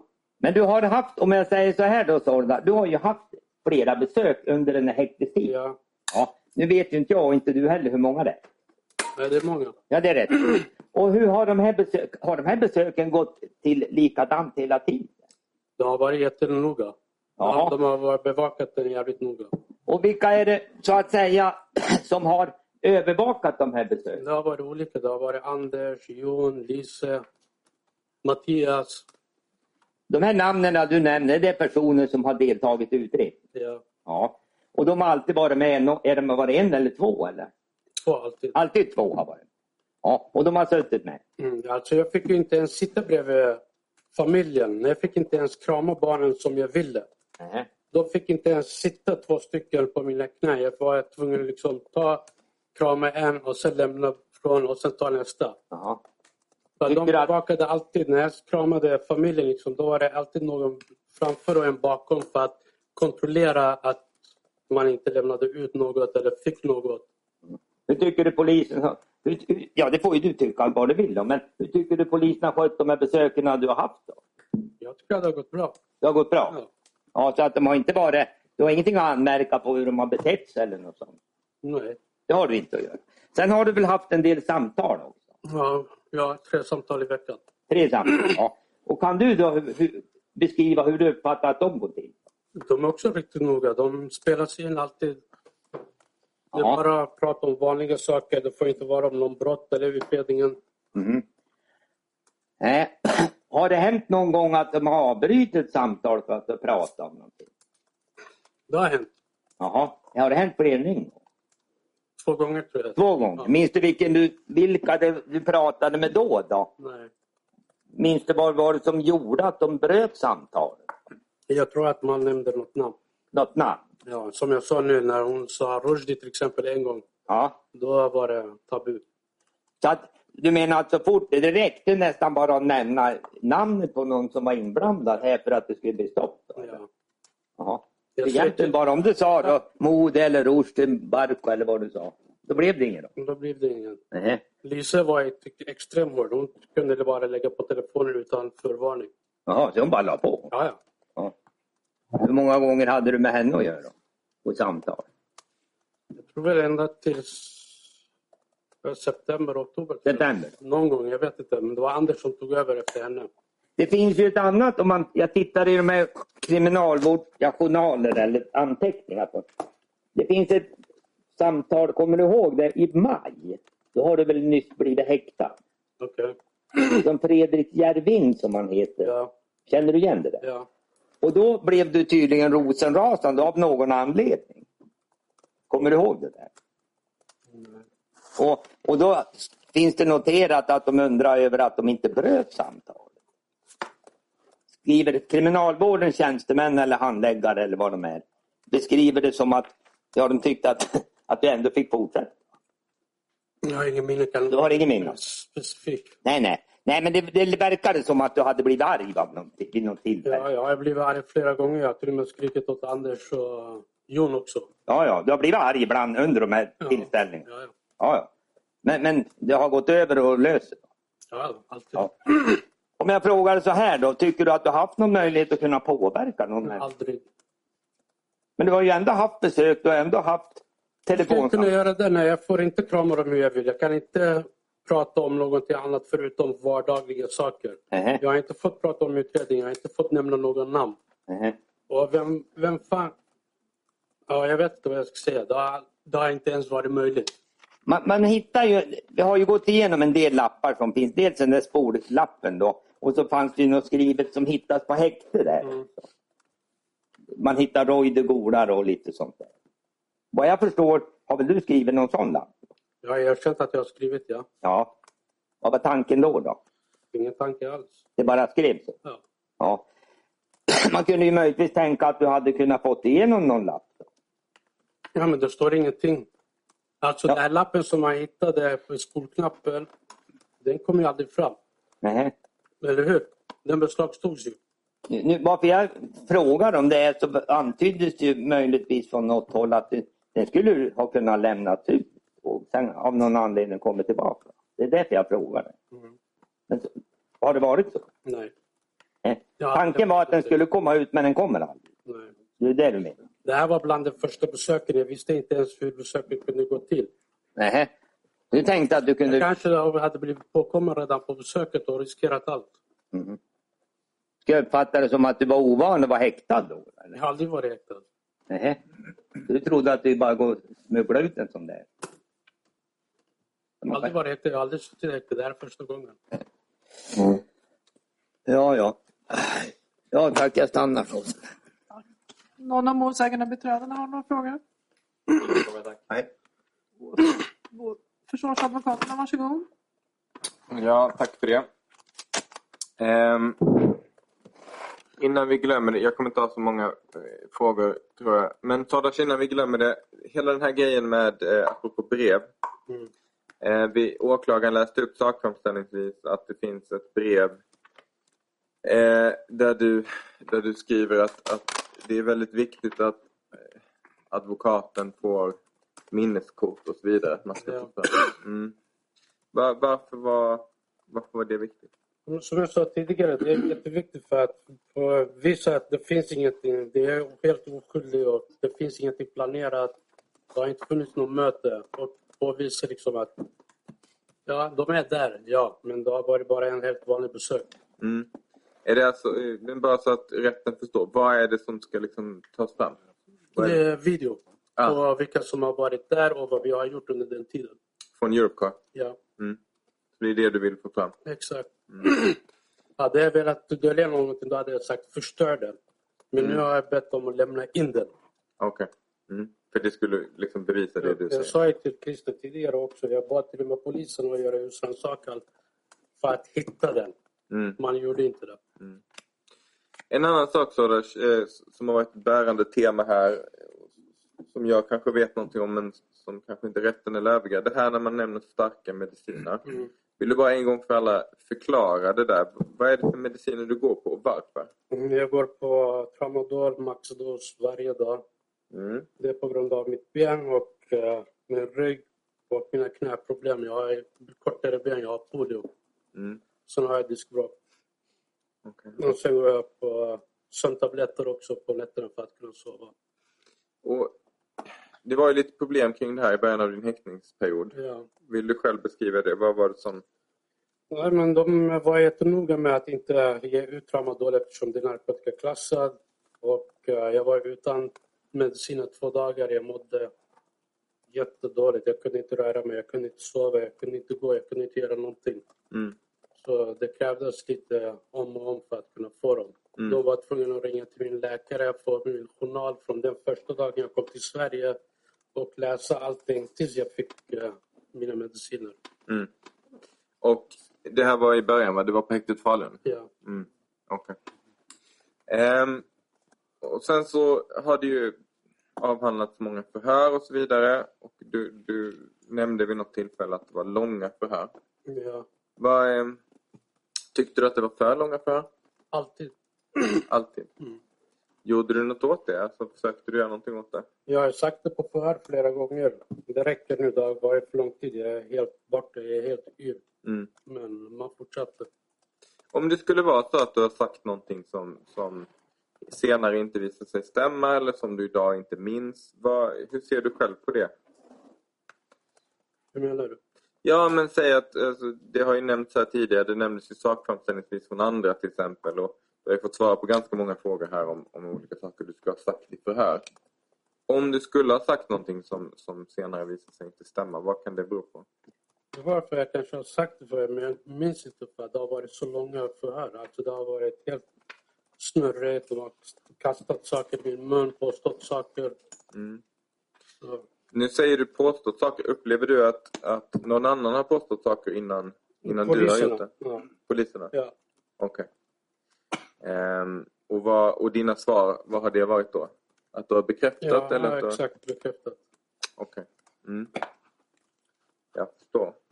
Ehm, jag hoppar lite här och det är för att du har haft ett ganska långt förhör nu. Det har ju Mm. varit, eh, varit under lång tid. Eh, men en central del i den här eh, utredningen eh, det är ju den här middagen hemma hos dig. Mm.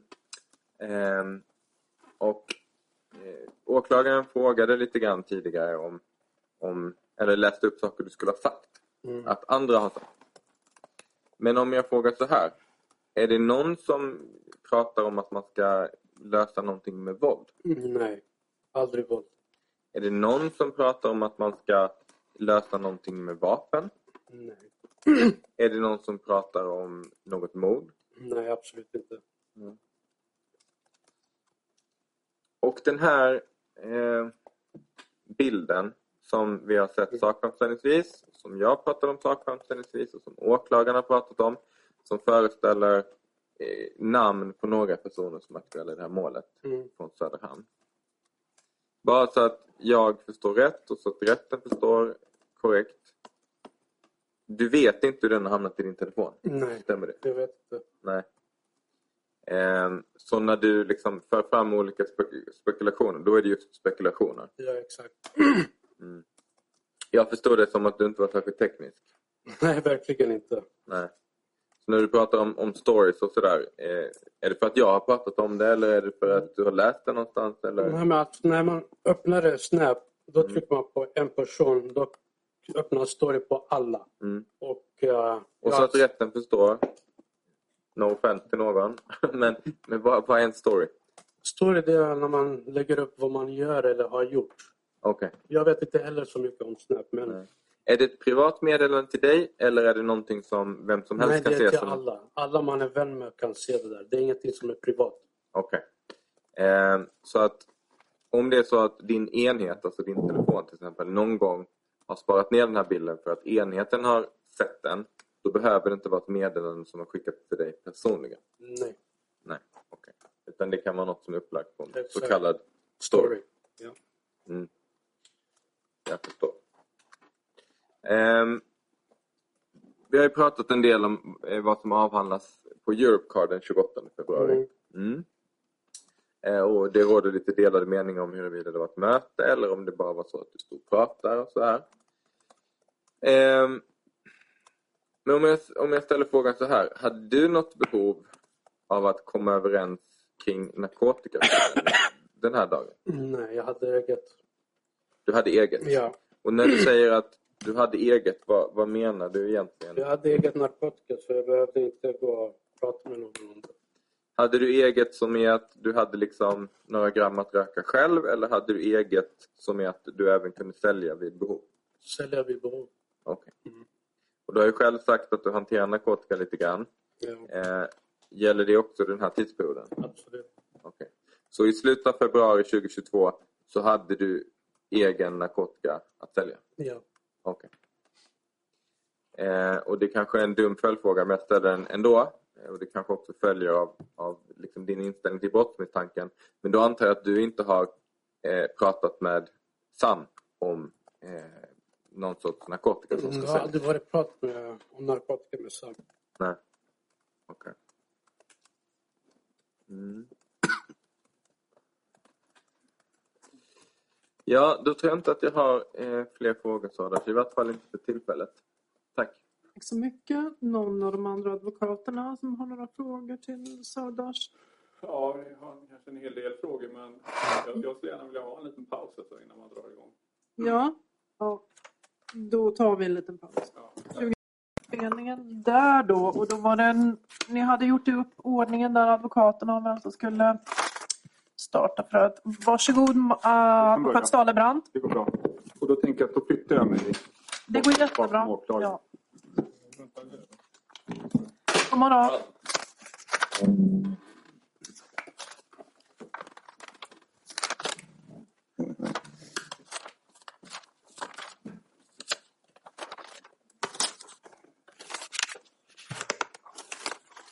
Har man ju ingenstans att ta grejerna här. Finns det inget bord där? Nej, jag kan sätta mig där borta kanske istället. Ja. Det går också bra. Ja, det Aha. är sådär. glömt. Perfekt. Tack så mycket.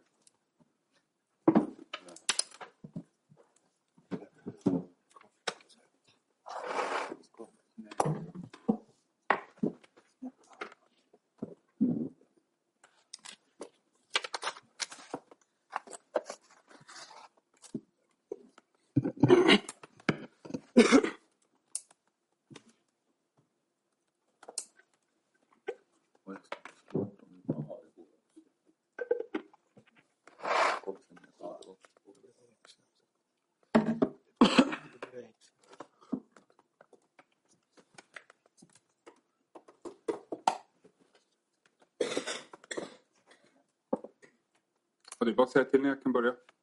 Varsågod. Ja, tack så mycket.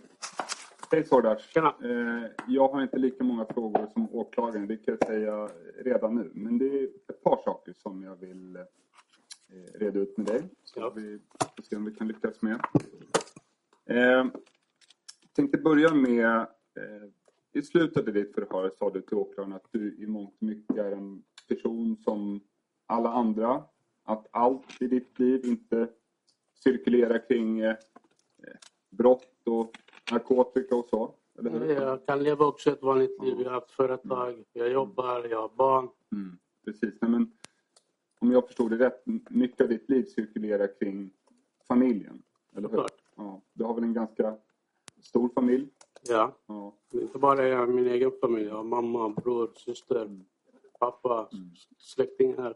Så man kan säga att en stor del av din vardag cirkulerar kring familjen. Middagar, samtal, verksamhet Ja, och så vidare. ja. Bra, då har vi etablerat det. Eh, och jag förstår också att ni står varandra väldigt nära. ja vi står varandra jävligt nära allihopa. Mm. Eh, hur skulle du säga att det har varit för dina barn att eh, vardagen och så har brutits upp, brutits upp det här med när du har häktats? Det har varit lite svårt såklart. De undrar ju vart jag är. Min före detta fru har inte ber- berättat för dem att jag sitter häktad. Mm. Och jag har inte träffat dem sedan mars tror jag. Mm. Men jag har haft Skype-samtal en gång i veckan från juni. Och hur har det påverkat dig att eh, inte få träffa din familj i någon högre utsträckning? då, Förutom ja, besök och Skype-samtal då? Ja, det påverkar mig psykiskt såklart. Det, man mår ju dåligt. Eh, Man gråter ju nästan alltid efter samtalen när man får prata med dem eller se dem. Mm. Så jag är väldigt nära mina barn. Det är första gången du häktad, eller hur? Ja, Och helt nytt då för din familj också, antar jag har aldrig varit häktad, jag har aldrig varit misstänkt för någonting. Och du har ju berättat också att under den här tiden, förutom ditt eh, dåliga, dåliga psykiska mående, så har du också varit kraftigt eh, medicinerad. Ja, alltså grejen var, jag har ju polio och jag har diskbråck och så massor med ledproblem. Mm. När jag blev häktad då var de jättenoga med att dra in mina mediciner eftersom de är narkotikaklassade. Mm. Men när jag bad dem att titta på min journal då de sa vi kan inte göra något, du måste ha dem. För de märkte i två dagar, jag kunde knappt gå upp från sängen. Jag kunde inte sova. Så tramadol i maxdos, det är liksom aldrig har hänt i häktet att man får. Nej, det har inte jag hört heller.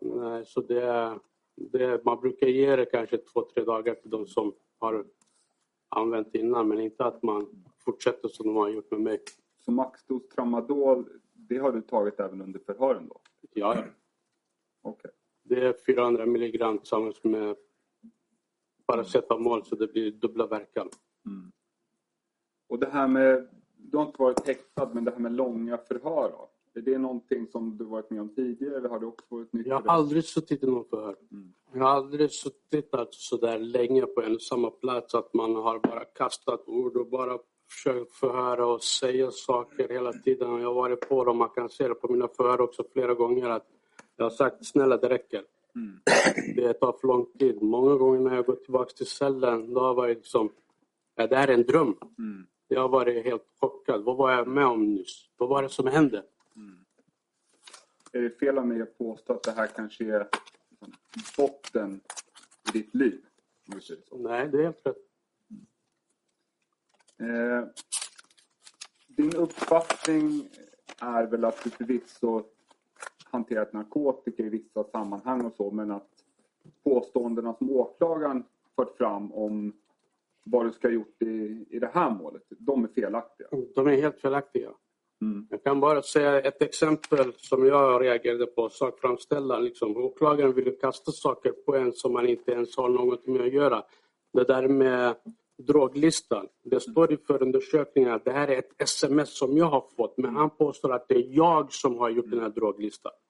Han vill ju bara visa oss, inte bara mig, allihopa, som att vi vore allt vi äter och andas, vi gör, det handlar om kriminalitet, knark och pengar. alla andra lever ju också ett vanligt som ett vanligt liv. Vi är också människor. Men idag verkar det vara liksom att man drar alla över en samma kam och tror att alla är skit, rent ut sagt. Och det är såklart man mår ju dåligt av det också. Och så sitter man här, inte bara jag, flera av oss också som är helt oskyldiga anklagade för saker och ting som de har någon teori om, som de har någon uppfattning om. Men du ska ju kunna ha någon grund till det också. Kan man säga att det är därför du gått upp i många häktningsförhandlingar för att du har känt att "Ja, men det här är fel. Jag vill komma ut. Såklart. Men i slutändan vart jag trött för att tingsrätten lyssnar ju bara på vad åklagaren säger. De vill inte ha någon bevisning. De lyssnar ju bara. I början sa han att vapnet man hittade var skarpladdat. Skarpladdat för mig betyder en kula i omloppet. Men när man tittar på bilderna så ser man ju klart och tydligt. Den är inte, magasinet var inte ens i. Men han vill ju bara låsa in, kasta nycklarna. Skit i den här jävla svartskallen. Helt ärligt. Eh, Jag tänkte haka på det du precis sa här om att liksom, mycket muntliga uppgifter, folk pratar med varandra. Och jag skulle vilja påstå att det här är ett så kallat förhörsmål, det här målet. Det vill säga att åtalet bygger mycket på vad olika personer har sagt om eh, varandra. Så att jag tänkte utifrån det temat ställa lite frågor till dig om hur du anser att eh, förhören har gått till. Då. Absolut. För, förutom liksom hur, hur du har mått då under, Mm. under förhören. Du sa på åklagarens frågor att polisen kastat ord i din mun hela tiden och att de har påstått saker och, och sen har du svarat. Är, det korrekt uppfattat? Det är korrekt. De har sagt liksom, si har sagt så, den har sagt så. Sen, men var det inte så? Då var, jag, jag var trött liksom. För jag vill bara få det överstökat. Ja, det var så. Eller den sa så. Och på ett specifikt mål kan jag påpeka. Arit stackaren, han var ju liksom så trött så att han trodde liksom på vad utredaren sa. Till slut ja men det får bli så då. Mm. Exakt så kände man. Och det är vad, vad andra vi har sagt också om hur de uppfattat hur de här förhören gått till. Men eh, har det varit mycket för dig att polisen har kommit in och sagt att ja, men den här personen säger det här om dig och den här personen säger det här? Ja. Ja. Och är din uppfattning att polisen väldigt mycket fram och tillbaka mellan personer? Ja, men nu säger den personen det om dig och sen går med dina påstådda uppgifter till den personen. Men nu säger den det. Att man har gått fram och... Helt korrekt, det har exakt varit så. Det var jag inne på att säga igår också. Liksom. Det var fram och tillbaka. Den har sagt så, den har sagt så om dig, den här har sagt så där. Och det kan man ju se på förhören också. Om du har läst, du vet ju. Viktor vet, alla andra försvarare vet. Eh, och har polisen också lämnat sin egen uppfattning till dig om vad de tror? Det har de. Och har, förmed, har polisen också förmedlat till dig att de vill att säga, hjälpa dig? Alltså, hjälp, de har ju velat det, men jag vädjar till dig, berätta på så kan vi få det här överstökat. Ja. Och när de säger få det här överstökat, hur, hur, hur tolkar du det? Ja, jag vet inte. Som det här, sitta här och bli anklagad för saker och ting. Bli klar med utredningen så att deras jobb blir lättare. Mm. Men eh, när de säger att ja, men, hjälp oss med det här. Har du tolkat det som att okej, om jag hjälper dem nu, då kanske, det, då kanske jag släpps? Om jag säger det de vill höra? Släppas tror jag inte.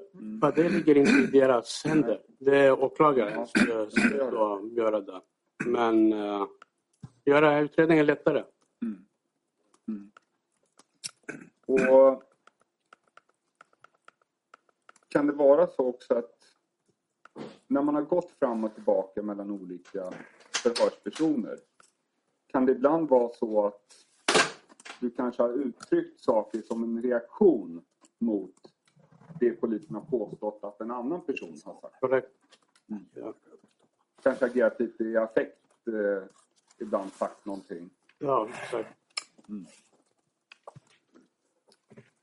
Eh, sen det här om prat utanför förhör. Jag tänkte att vi skulle reda ut väldigt kort.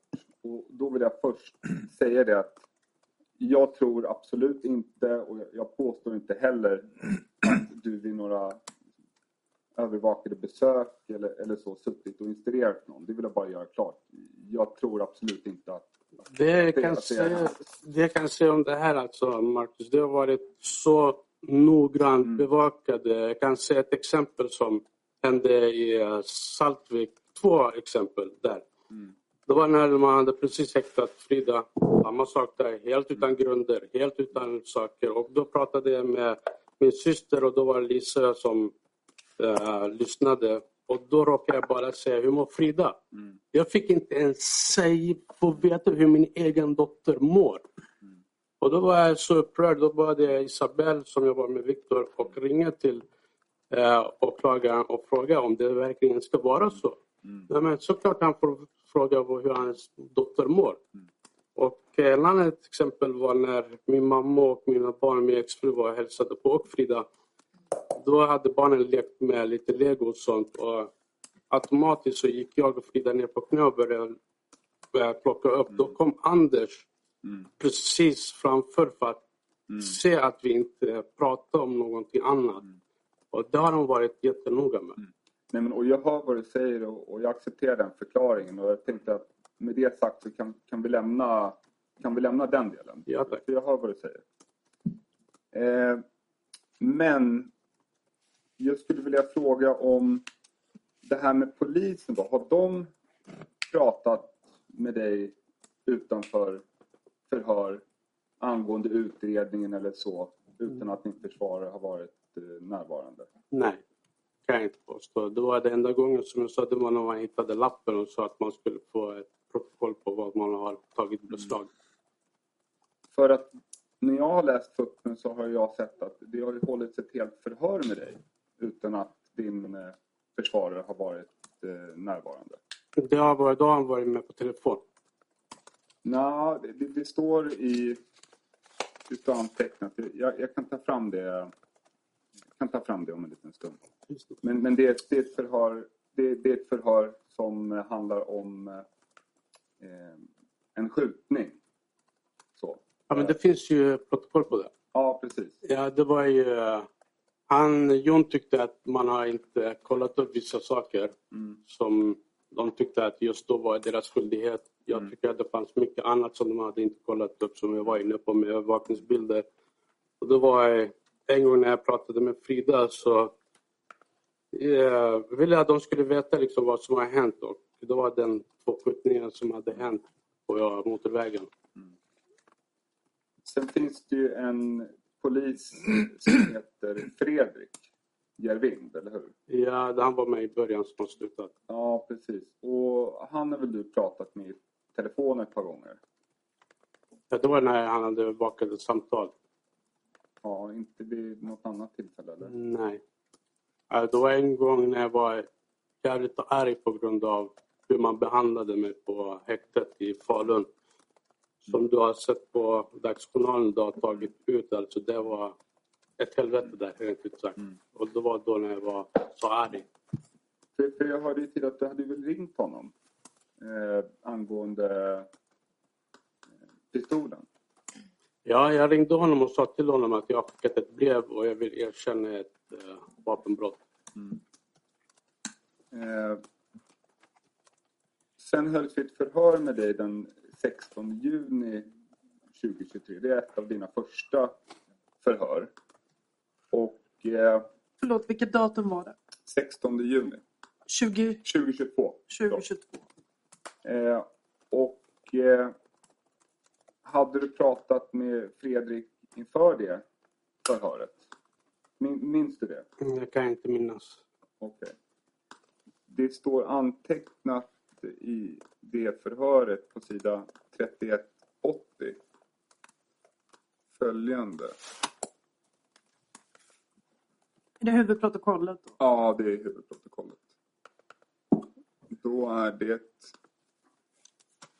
i och för sig polisen som påstår, det är mitt på sidan, det är polisen som påstår där mitt på sidan att, eh, att du står för saker och ting.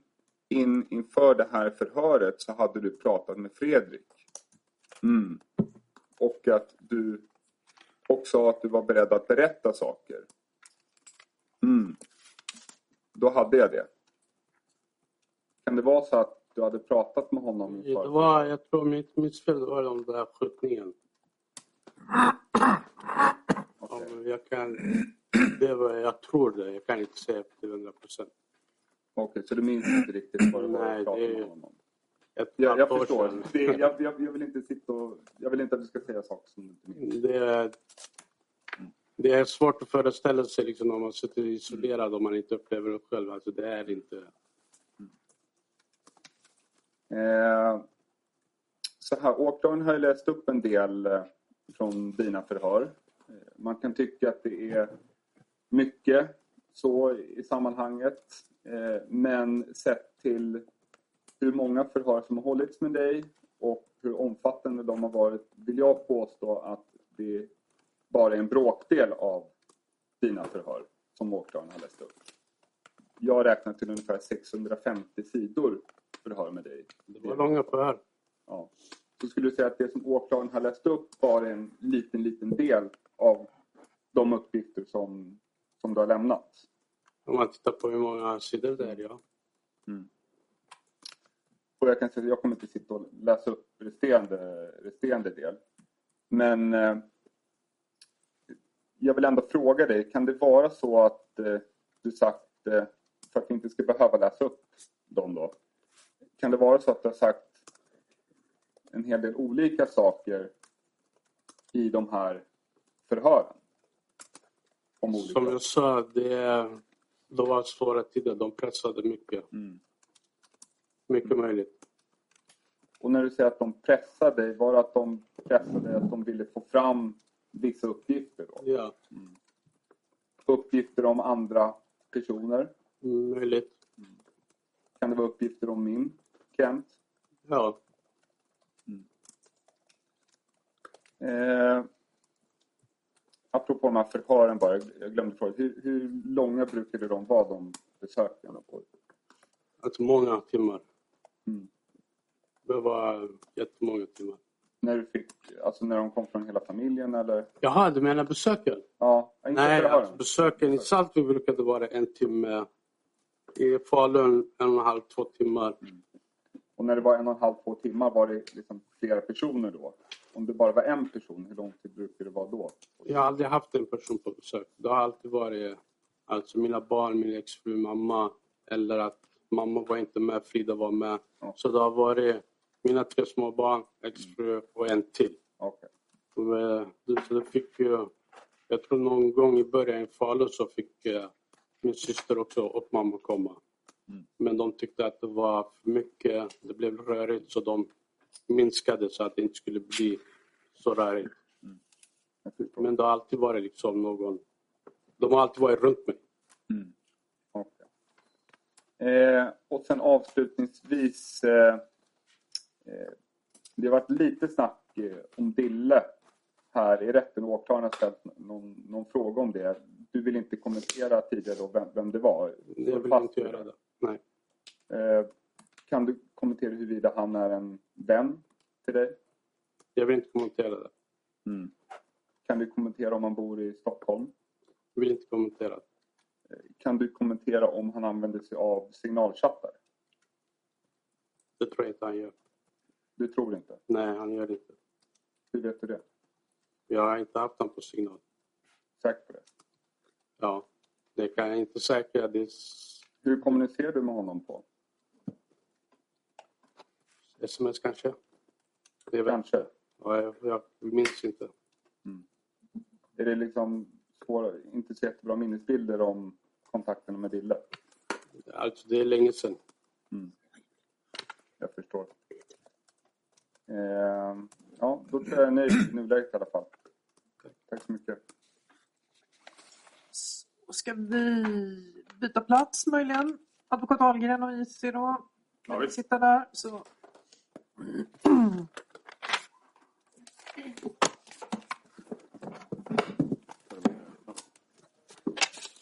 det att koppla upp så där borta?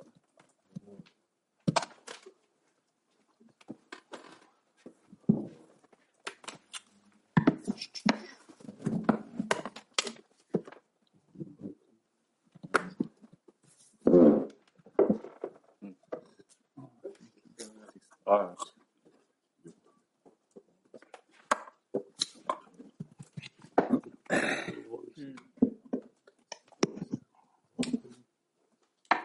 Sätt den lite längre.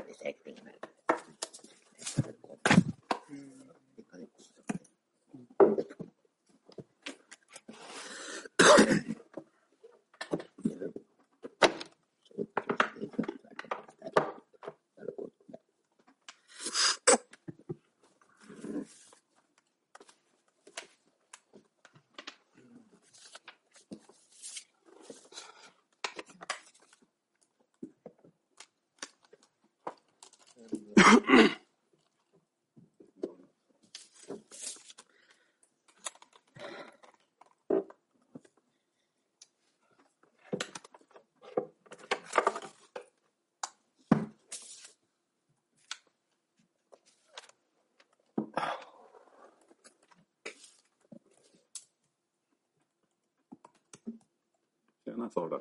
Tjena. Hur står det till? Bra själv. Jo, det var bra. Härligt. Eh,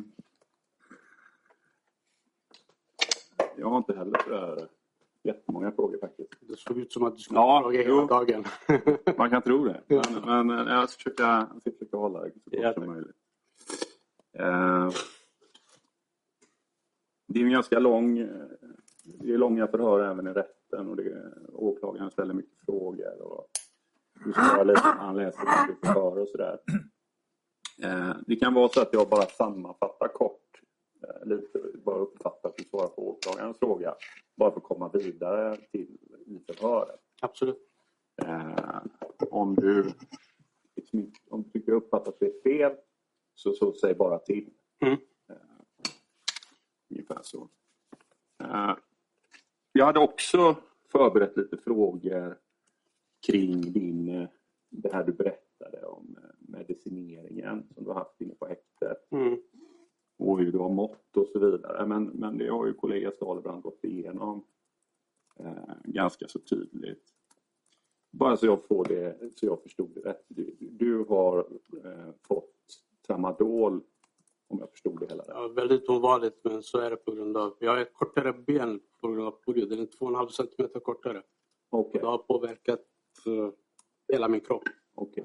Jag får inte ha mina inlägg, jag får inte ha mina ortopediska skor på grund av det skosnören. Jag får inte den träningen jag behöver.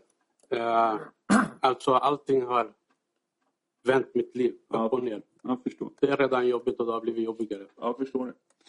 Eh, och så tyckte jag att du sa att du fick, var det 400 milligram om, om dagen? Eller? Ja, alltså på utsidan fick jag 800 milligram. Ja. Eh, det var 204 gånger per dag. ja. Men eh, jag själv personligen, efter ett tag så minskade jag till hälften. ja.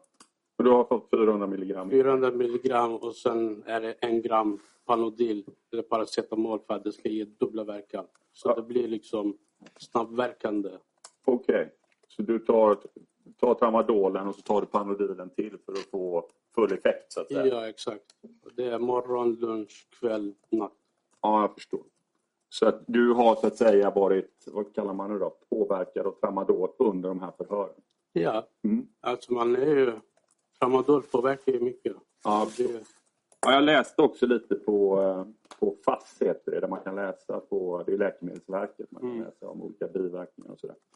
Och där, där, det anges ju en hel del biverkningar när det gäller tramadol, men bland annat trötthet och dåsighet och sådär. mm.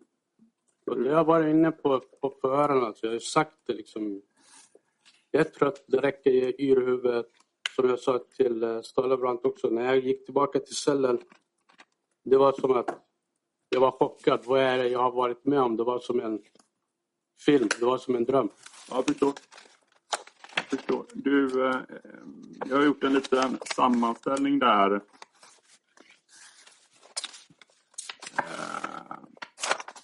På, över alla förhör som, eh, som du har varit med på.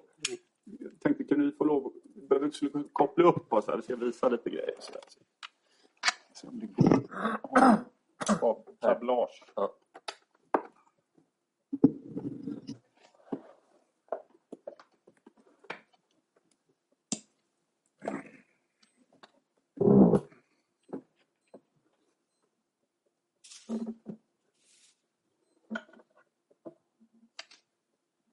Får vi den bakom oss här då, eller?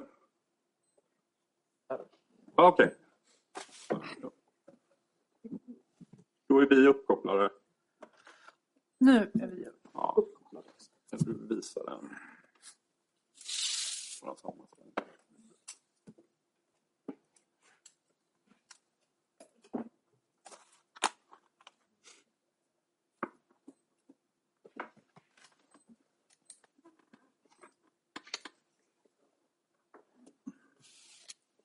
Ser, du det här?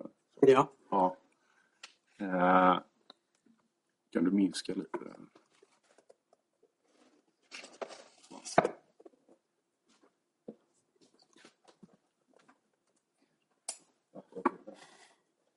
Ja, Är det åldern? det verkar inte funka så bra. Ja, det är väl det. Ja, Har vi glapp eller? Ja, det måste vara något glapp. Är strömkabeln i? Förlåt?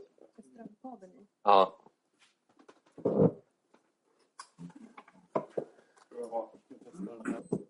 Kan vi minska den? Alltså, kan vi...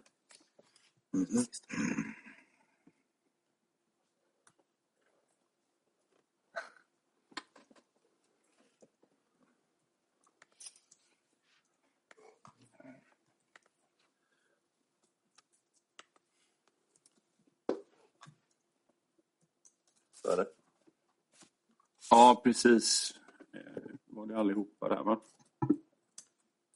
Eh, Ja, du ser där. Det är ju, det är ju i varje fall uppemot tio förhör som har hållit med. Ja, det var en hel del. Ja. Och det är ju mellan... eh, Ja, det börjar ju där med någon, någon telefonförhör och då hörs det ju till upplysningsvis och då är vi i mars månad. Eh, 22. Eh, och sen så är väl sista förhöret med dig någon gång i, i februari 23. Mm. Så det är ju nästan till förhör under, ja det är 11 månader i varje fall. Ja. Eh, och kollega Stoffbrand har ju varit inne på det att, att åklagaren läste ju väldigt så att säga små delar av ur de här förhören. Ja. Och eh, sen så frågade eh, dig om du hade lämnat andra uppgifter i förhören. Alltså det vill säga uppgifter som inte stämmer med de uppgifterna som åklagaren läste upp. Ja. Och, och då uppfattar jag dig som att liksom, ja, ja, förmodligen eller ja, så kan det vara. Eller någonting. Det kan ha hänt, ja. Mm. Och jag har heller inte för ambition att läsa upp de här. Jag tror till och med att det är 900 sidor för då kan vi sitta här i en vecka. Va? Eh, men jag har gjort en liten kort sammanställning eh, avseende förhör, bara förhör 2 och 3 till exempel. Hur din berättelse låg då, hur den såg ut då. Okej. Eh, och jag tänkte om det går för sig, det går ganska fort, eh, så har jag liksom sammanfattat det här med några korta punkter. Eh, är det så att åklagaren eller banker eh, tycker det är missvisande jag säger, så säg gärna till. Eh, så går jag in och läser. Men annars tänkte jag bara liksom kortfattat redovisa ungefär hur din, hur, vad som står antecknat vad du sa i de här förhören. Eh, då sa du att du hämtade Rushdie Kakush i Örebro den 26 februari och sen åkte ni ner till Stockholm. Du lämnade av Rushdie Kakush i Jakan eller Viksjö. Där träffade han sin tjej. Hon var blond. Jag uppskattar hennes ålder till 17-18 år. Eh, hon skulle ha någon form av finskt påbrå. Eh, och Rushdie berättade på telefon att han var vid ett visst område. Att han går med skyddsväst. Jag åkte dit. Jag minns inte att jag varit på Ullareds gränd 26. Jag vet inte vem som skjutsade Rushdie från Stockholm. Och tanken från början var att han skulle åka hem med mig från Stockholm upp till Hudiksvall. Eh, jag såg inte vilken bil Rushdie åkte till Hudiksvall med. Och det här är alltså en sammanfattning av vad du har sagt i förhör 2. Och då ska jag säga det så det kommer in på bandet att förhör 2 eh, det hålls 22.06.02, 2 juni. Eh, Det är mellan 13.05 och 14.35. Det är alltså en och en halv timmes förhör. Och det finns då på sidan 3047 till sidan 3109 i förundersökningsprotokollet. Och sen så har vi förhör 3. Det är den 16 juni och det påbörjas 15.04. Och så avslutas det 17.44. Det är nästan två timmar och 40 minuters förhör det. Och det återfinns på sidan 3110 och 3211. Eller till 3211. Och, och det jag berättade nu, den sammanfattningen, kan, har du något minne idag av att du har berättat det här för polisen som jag försöker sammanfatta? Alltså, nej, inte direkt. Jag vet att eh, jag vill inte bli inblandad i början. Nej. Och de påstod att eh, jag var med i bilen och jag vet inte vad. Det var mycket grejer som de påstod. Så det kan hända, ja. Det kan hända att du har sagt så. Det kan hända. Jag minns inte riktigt. Jag minns inte riktigt. Okej. Det jag vill lyfta fram här bara. Eh, och det är för att hänga, hänga på vad Stalebrand sa här förut. Är att inom ramen för alla de här förhören som har hållits med dig. Mm. Så lämnar du så att säga olika uppgifter, olika berättelser. Något i ett förhör och något i ett annat förhör. Ja, i början tror jag. Ja. Du... Eh,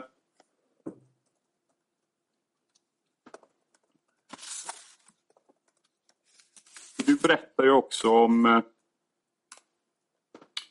om att du hade, haft, du hade ringt, uppfattat att du sa, polismannen Fredrik Järving. Mm. Och så hade du berättat för honom att du hade skickat ut en karta eller ett brev. ja. Eh, och att du nu vill erkänna ett brott. ja. Kommer du ihåg när, hur går den kommunikationen till med Fredrik? Jag förstår det. Man flaggar på i cellen och de ringer upp. Jag får telefonen. Jag pratade med honom. Exakt som man gör. Okej. Så Du, du pratar med honom. Vad, vad ringer du? Är det, är det häktet som ringer Det är häktet som ringer och sen får jag telefonen genom luckan och pratar med han i min cell. Okej. Och, eh, Det är som vanligt. liksom, När jag vill prata med familjen då jag ringer alltid upp, alltså flaggar på. Häktespersonalen ringer utredaren som är registrerade för att ta samtal. ja. Okej. Och då ringer du honom. Och hur, hur fort efter det att du ringde honom hade ni polisförhör? Det minns jag inte. Det minns du inte. Gick En vecka? Gick En dag? Jag minns faktiskt inte. Nej. Och vad sa han då när du sa det? Jag minns faktiskt inte riktigt. Jag var väldigt upprörd den tiden. Okej. Ja, som jag sa tidigare, jag hade varit utan mina mediciner också ett bra tag. Jag förstår. Så din minnesbild idag var att du hade, du hade det här samtalet med honom? Jag minns att jag hade samtal Mm. med honom. Jag förstår. Och så påkallade du ett förhör. Det var första förhöret som jag påkallade på grund av deras påståenden när de sa att jag hade hyrbil och jag vet inte att jag hade transporterat vapen och sånt, vilket inte stämde. Och, och, Och i, det, och i det förhöret då berättar du då att jo, men jag hittade ett vapen. Jag vill erkänna det. Nej, jag tror det var efter. Förlåt. Det var efter det. Det var inte då. Nej, okej. Den förhöret som jag påkallade det var mestadels för att jag ville att de skulle ta min bil, matchen i beslag för att titta färddatorn. Mm. Och det gjorde de och sen berättade jag min version av resan. Okej. Det är så du minns det idag? Ja, tror jag. Okej. Det avviker lite från vad jag kan läsa mig till i det polisförhöret som eh, avser det här vapnet som du kommer att erkänna. Det kan hända. Mm. Och, jag, och jag förstår, för jag har ju hört det nu, liksom, du är, det har varit otroligt påfrestande häktningstiden. Du har eh, varit medicinerad, så jag förstår att det kan vara svårt, att man kan blanda ihop saker och ting. Så jag ska, jag ska läsa upp lite ur det här förhöret, som är det förhöret där du där, där ni konfronterar och pratar om det här vapnet som påträffas. På Han läste nästan allting upp så det, det är lika Det är bra okej. att läsa. Jag Ja. inte. Ja, då gör jag det. Eh, det börjar på sidan 3000. Eller det börjar inte, men det jag ska läsa är på sidan 3172. Men det här är ett förhör som hålls den 16 juni med dig. Och eh, det får... Då är det som så här att man, man går till sidan 3172 i det förhöret. Eh, så går man till mitten av sidan. Och så frågar du om ni kan ta en liten paus. Se tingsrätten är. Vi är på mitten av sidan, på sidan 3172. Bara så att alla är med där jag är nu. Eh, och så tar ni en paus i cirka 10 minuter och så återupptas förhöret. Och då säger förhörsledare två så här, och det kan ju sägas också att han, Fredrik Järvind är med på det här, han är en av förhörsledarna här också. Eh, ja, klockan är 16.50, förhöret fortsätter. Mm, Sordash, säger förhörsledaren. Och så svarar mm. Så säger förhörsledaren, "Eh, det här är ett brev som jag vill att du tittar på. Mm. Känner du igen det här? Frågar han dig. Och då svarar du, ja, det är ögat. Ja, berätta vad det är, säger förhörsledaren. Ja, det är som hästsko som ni har. Det finns hästsko och sen är det ett öga, onda ögat. Den här vill jag ha för de skulle läsa lite och oerhört. Det är vad jag har skrivit. För, för, ja, förklara för mig som inte är kurd eller inte har samma tro som dig så att jag förstår. Ja, ni har hästsko mot jag har för lycka, eller? förhörsledaren. Exakt. Och så finns det en sån här, ja, uh, onda ögat, precis. Ja, jag har hört talas om det, säger förhörsledaren. Uh, eh, och så säger du, det här var i förrådet hemma. Ja, var är det någonstans? Ja, förrådet. Ja, du säger förrådet. Hemma alltså, där vi är. Hemma, hemma i Värnårsvägen. Ja. ja, så finns ett förråd. Mm. Där, det är där, eh, den, där, det är ett öga.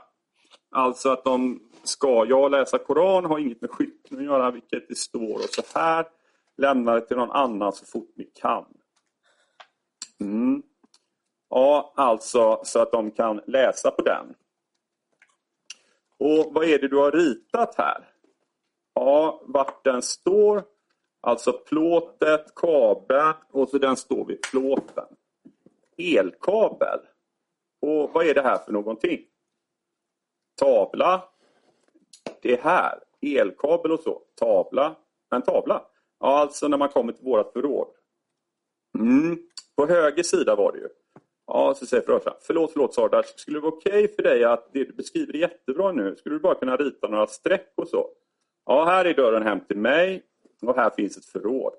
Yes, säger förhörsledaren. Eller hur? Mm. Och i förrådet, så när man öppnar så finns det ett så här med trähyllor. Inne i förrådet? Ja, till vänster sida. Vänster sida inne i förråd, i förrådet är vi nu. Ja, där är hem till mig. Mm. Och där är förrådsdörren. Mm. Och så kommer, direkt, så kom, direkt när man kommer in finns en skohylla alltså. Det är jättefullt där. När man går lite längre in så finns det en plåt som jag har lagt där. En plåt? Ja, i förrådet. I förrådet.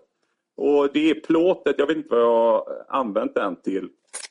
Och där finns den här ögat. Och vad är ögat för något? Bara så jag förstår vad det är. Alltså det kan du ta fram från nät, nätet. Alltså det onda ögat, det är lite betydelse. Om du, man brukar säga att man kastar öga på någonting, vilket är att man lägger något dåligt på någon. Mm, mm. Det är ju negativt. Och Det är vad jag har förklarat här. Man måste hitta den färdigt. Exakt och IM. Men om du bär på det ögat då är du skyddad mot alla onda ögon. Jaha, så att det är så exakt, och säger IM. Det är lite som man pratar om men att det kan sticka i folks ögon. Då säger du, som kan läsa Koranen, inget annat och har inte med sån skit att göra. Folk vill med illa. Mm, ja, vad bra. Ja, då förstår jag. Är det här alltså hemma hos dig? Ja, vid min exfru. Mm. Alltså det finns ju en hel del grejer just där och sen för att förklara riktigt, mera riktigt, alltså kabeln går bakom tavlan. Mm, det finns sådana här gamla afrikanska trästatyer, det finns skor i kartong, det finns allt, alltså om du öppnar förrådet, det kommer att välja ut grejer. Mm. För att förklara det här specifikt då här, där. Ja, tack. Har du någon fråga där Fredrik? Jag tänkte bara hur det kommer sig att ögat, ja mot det onda, få bort det onda från mig. Vi tror på sånt. Om ni går hem till mig så kan ni se min väska. Där finns två sådana här pappersbitar. Så här fyrkantiga. Så om man öppnar det här pappret så står det en massa korangrejer i den och en av dem där så innehåller två pungkulor från hyener. Ja, och IM skrattar till. Ja, alltså helt ärligt, om de här två pungkulorna, ursäkta, det ger dig lycka, det ger dig framgång, det ger dig till exempel som en kvinna vill inte ha mig, det här är bevisat. Då har man det här på sig, du pratar med kvinnan, och hon kär dig, det är bevisat. Jag har två sådana här som jag bär på, det har gett mig lycka. Det, kanske, det är kanske det som har skyddat mig. Mm. Ja, det finns alltså saker alltså som det testar på en höna, en sån här ond öga och hygiendelar. Mm. De har skjutit mot hönan, kulan har studsat och något annat har okej. Okay. Men jag tänker, hur kommer det sig att ögat, att det är gömt här på den här platsen? Ja, den är specifik till mig och den får inte visas, alltså den här. Den är också inlindad, den är specifik. För om du öppnar den så bryts den. Vad är det man öppnar? Alltså det här ögat, alltså. Den är också inlindad i papper. Jaha, ja, ja, ja. Och tejp, öppnar du den, det är som de här, öppnar du den då är det kört. Då bryts allting, då måste du göra om. Och den här kostar tusentals dollar. Jag har betalt 3000 dollar för den här. Och den här 2500 dollar, det är nästan 55 000 jag har betalt för de här två. åren där. Mm. Och det här ligger också på samma ställe eller? Nej, de ligger i mina kläder i förrådet. Vad heter det? Garderoben. Mm. Men just den här, den är speciell, väldigt speciell. Mm. Därför har jag lagt den där. Om du bara går i förrådet kommer du att hitta den. Mm. Eh, Sardash. Mm. Och nu kommer då förhörsledaren. Vi har trott att det här, din skiss med tak, plåt, elkabel, att det är på övervåningen i Europcar. Mm. Är det det? Frågar förhörsledaren. Nej, nej. Ja, det är inte det. Nej. Men vart ska du skriva mamma då? Nej. Och vem har du skrivit brevet till? Min fru, för min mamma kan inte läsa. Mm, Okej, okay, då förstår jag. Men med anledning av att vi trodde att det här var på Europar så gjorde vi en husrannsakan där. Mm. Idag, nu, jag fick precis reda på det här. Så att det är, ja, jag är tvungen att delge en ny brottsmisstanke, Sardash. Okej. Okay. Och det är grovt vapenbrott genom innehav av en skarpladdad 9 mm pistol i Europar, Ulvsätsvägen 1C och Hudiksvall dagens datum. Jag ber om ursäkt för gärningsbeskrivningen. Jag fick det alldeles nyss. Ja, jag erkänner. Du erkänner? Ja, berätta. Jag hittade den där på, under soffan och gömde jag direkt efter. Ja, du sa att vi hittade den där under soffan. Då har du berättat. Och bara för tydlighets skull här så det här brevet som han pratar om det finns på sidan 3210 som en bilaga till det här förhöret. Och då står det så här. Lämna det till mamma så fort ni kan. Snälla. Jag vill bort från detta jävla håla. Bara längtar efter barnen får man ligga till sömns på nätterna. Jag vet inte vad jag gjort för folk ska ha mig så mycket. Jag behöver frimärken och bilder. Eh, jag får inte prata med Frida mer. Varför vet fan inte. Älskar er så mycket. Vi ses hoppas snart. Och så kommer då den här skissen här då. I första delen av förhöret förklarar Sardas att skissen han gjort handlar om några religiösa föremål han förvarar vid en plåt i ett förråd. Ett förråd till höger om lägenhetsdörren till lägenhet på Vänortsvägen. I samband med det gör han skissen nedan. Senare i förhöret ändrar dock Sardas sina uppgifter för att skissen i brevet handlar om att han gömt en pistol på övervåningen i Europcar. Kommer du ihåg det här förhöret? Nej, dålig minne. jag förstår det. Ja, men jag, jag respekterar det. Mm, och sen där uppe när det står det hata mig. Att folk hatar mig. Mm. Eh, för det, det är svårt att, att kommentera saker man inte minns. Jag Ja. förstår det. Eh, det jag tänker när jag läser förhör det är ju att polisen kommer till dig och konfronterar dig med ett brev och frågar vad är det, vad handlar det här brevet om? Eh, Och så drar du en ja, ganska utförlig berättelse om onda ögat och hästskon och pungkulor och eh, hönor och det ligger här och du beskriver rätt väl. Men det du sa där, för det säger du själv, det var ju inte sant. Men, okej? Ja. Kan vi vara överens om det? Det, så det låter så ja. Mm.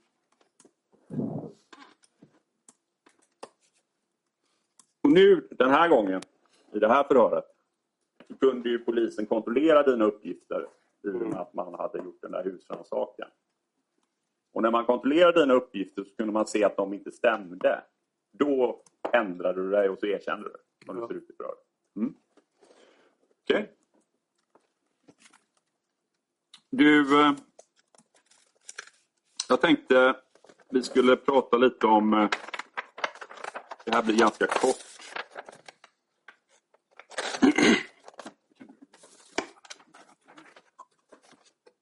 Åklagaren bad ju dig redogöra för din relation till olika, dels folk som sitter här i salen och även vissa andra personer. Och jag ska dra det här väldigt kort, rätta mig om jag har fel nu. Eh, vad det gäller Arit så känner du honom sedan 2018. Ni är nära vänner. Han har jobbat på, bland annat på din restaurang Pizzabakaren. Mm. Är det korrekt återgivet av mig? Det är korrekt. Mm. Eh, jag har en förhörsuppgift på dig där du säger att du älskar honom mer än din egen bror. Ja, det har ni varit inne på flera gånger. Ja. Ja. Han står dig väldigt nära. Ja. Mm. Och Sen så ställde åklagaren frågor kring Modi. Och där sa du att ja, vi har varit vänner men vi är inte vänner just nu. Är det ungefär korrekt uppfattat? Ja. Mm. Och han hade du också känt ganska länge om jag förstod det hela. Ja, det är 2018 någon gång där. Och sen så var det Frida, men det säger väl sig självt. Det är din dotter, så Mm. det är klart att ni står väldigt nära. Det Mm. Eh, och sen så var det Murad Barko. Ja. Hur- Hade du, var han också en nära vän? Ja, han är nära. Ja. Så man kan säga att Arit och Barko, det är nära vänner? Ja, men uh, var inte närmare än vad Okej. Där. Okej, men- Morad är nära men inte lika nära? Ja. Okej. Och sen så är det ju den här eh, Moed också. Ja, är, han är väl med min dotter. De har Mm. gått i samma skola Okej. på gymnasiet. Men du, du, du, du hälsar och pratar med honom? Ja, när jag ser honom. Mm. Ja, man är artig. Mm. Och han har väl i och för sig av och till varit och hälsat på, om kanske Frida i första hand, då, men på Europcar. Ja, Han har helt Frida också där uppe. Mm. Okej. Ja. Eh. Då tänkte jag... Jag vill lämna det. Då tänkte jag ställa lite frågor kring Prenga. Eh. Ja, Julian Prenga. Ja. Eh, och om jag förstod det rätt då så Renga han var med i Arits bil på den här resan till Stockholm den 26. Det var korrekt. ja, han tog med sig honom. Ja. Och det har du även bekräftat i förhör. Ja. Det har du sagt. Det är ju inga konstigheter. Och det finns ju bilder på, på honom i bilen och så vidare. Och sen så har du också bekräftat att han i och för sig var på Europark den 28 februari. Men att det var inget möte den 28 februari. Är det korrekt uppfattat? Ja. Mm. Och sen så nämnde du också att Prenga gjorde praktik på Europark. Jag tror han fick praktik där någon gång i slutet av mars, början av april någon gång. Okej. Slutet mars, början av april. Ja. Eh. Hur länge får han göra praktik då? Ja, jag har ingen aning. Det var Frida som hade hand om det, inte jag. Okej. Jag var bara chockad den dagen när jag kommer dit och han där och jobbade och sa hon till mig att det är praktik. Man förstår. Alltså hur det kom sig att han påbörjade praktiken på Europcar, det känner inte du till? Nej, det är Nej. Fridas uppgift. Mm. Eh, vi har ju hörde ju Arita i, i förra, förra vändan här i våras. Eh, och han bekräftade väl i och för sig att Arit och Prenga var vänner. De är bra vänner. Mm. Så man kan säga att Prenga känner din dotter och han är bra vän med, med, med Arit? Alltså, jag tror de har träffats via Arit. Okej. Mm. Och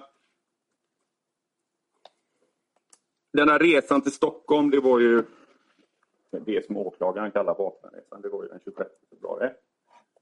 Eh, Och min fråga till dig är väl lite så här, vad kände du till om Prenga innan den 26 februari? Jag visste inte ens vem han var.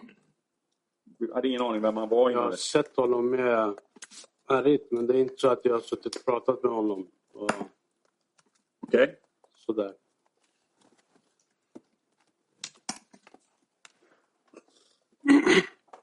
Hade du hört några rykten om Prenga innan den 26? Nej, Ingenting om att han beter sig illa på stan eller nej. skapar problem för folk? Inget sånt? Jag tror jag har skickat ett sms till Arit om det. Ja, Mm, som jag har läst där. just det. Kan ta upp det. Kan du slå upp det? Nu är du snäll. Viktor, sidan 8143. Vilken sida?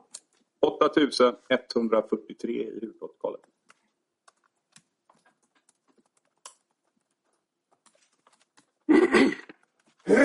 Det är det sms du syftar på, va? det, Ja, det som är på rad 50. Jag ska läsa upp det. Tog du eh, 8143.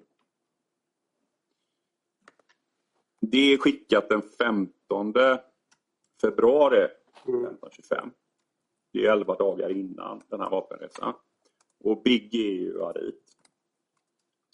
Alltså kan du säga till Arit och eh, Juli hålla käften. Han har gått runt och snackat i Hudik att jag ska börja igen. Så nu kan jag inte köra igång förrän det lagt sig. Sen går han runt och är fett kaxig och hotar med PB. Mm, Det här var ett sms som jag fick av en annan kille som jag har kopierat och klistrat in. Mm. Och det står ju där. Mm. Kan säga till Arit och be så. Jag Mm. visste inte eh, vem han var men jag hade hört hans namn så jag skickade till Arit. Okej. För du eh, skriver ju nämligen i smset under Mm. till Ari. Säg till killen att tagga ner. Ja, är, nej, killen jag fått smset av, han var på honom och det är min vän. Mm. Så Så att, det är, Varför förstår du rätt då? Att din vän skriver ett sms Till till, dig. och så kopierar och skickar Vänta, det till ja, Arit. vänta bara så jag förstår. Där han ber dig säga till Ari Mm. att eh, Prenga ska hålla käften. Ja, Mm. Jag förstår. Och hur kom det sig att du involverade dig i det här? men han är en bra vän till mig. Så, Varför så kunde inte han prata själv med dig? han vet att Arit är nära mig. Okej. Eh, Han jobbar på pizzan och så. Ja. Men det var aldrig, i och med att du säger att du inte visste vem Prenga var, det var inte så att du tänkte så här, men det här har inte jag att göra med, jag vet inte ens vem killen är. Han kan prata själv med honom. Jag vill bara vara snäll och ställa upp och säga till Arit. Det är inte så att jag har kontaktat pengar själv. Nej, Nej men det, det har jag inte heller påstått. Jag bara, det, jag, det, jag, det jag läser här är ju bara helt enkelt eh, ett sms som du, som du vidarebefordrar Ja, till Arit med en uppmaning om att be Prenga hålla käften. För du kan väl hålla med om att vad som framgår av sms i varje fall är ju att Prenga har gått runt och snackat i Hudik om att jag ska börja igen. Vet du vad det var han skulle börja med din kompis? nej, jag kan inte uttala mig om det. Nej, och att han kan inte köra igång förrän det har lagt sig. Det som Prenga gör. Jag kan inte uttala mig om det. Nej. Och så, och så är han fett kaxig. Och så hotar han med PB. Vad är PB för något? Pizzabakare.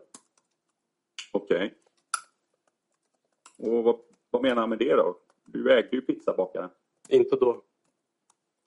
Jag, Den 15 februari. Nej. nej, jag ägde inte den då. Om ni tittar på registreringsbeviset och jag hade... Jag drev den i konkurs i december när det gick igenom. Det kan ni kolla med konkursförvaltare. Okej. Och vi säger så här. där, då, var du, det, där var det själva PB-koncernen som ägde den och Arit jobbade kvar där. Okej. Det alla har påstått att jag ägde den fortfarande då, men det är inte så. Nej. Men du som var ägare fram till december 21 då? Mm. Har du någon uppfattning om varför, man, varför Prenga går runt och hotar med pizzabakaren? Jag har ingen aning. Det kan ha hänt mycket efter det. Och bara så att du och jag är överens, så tror jag du, du, du eh, berättade på åklagarens frågor under tiden du ägde pizzabakaren fram till december.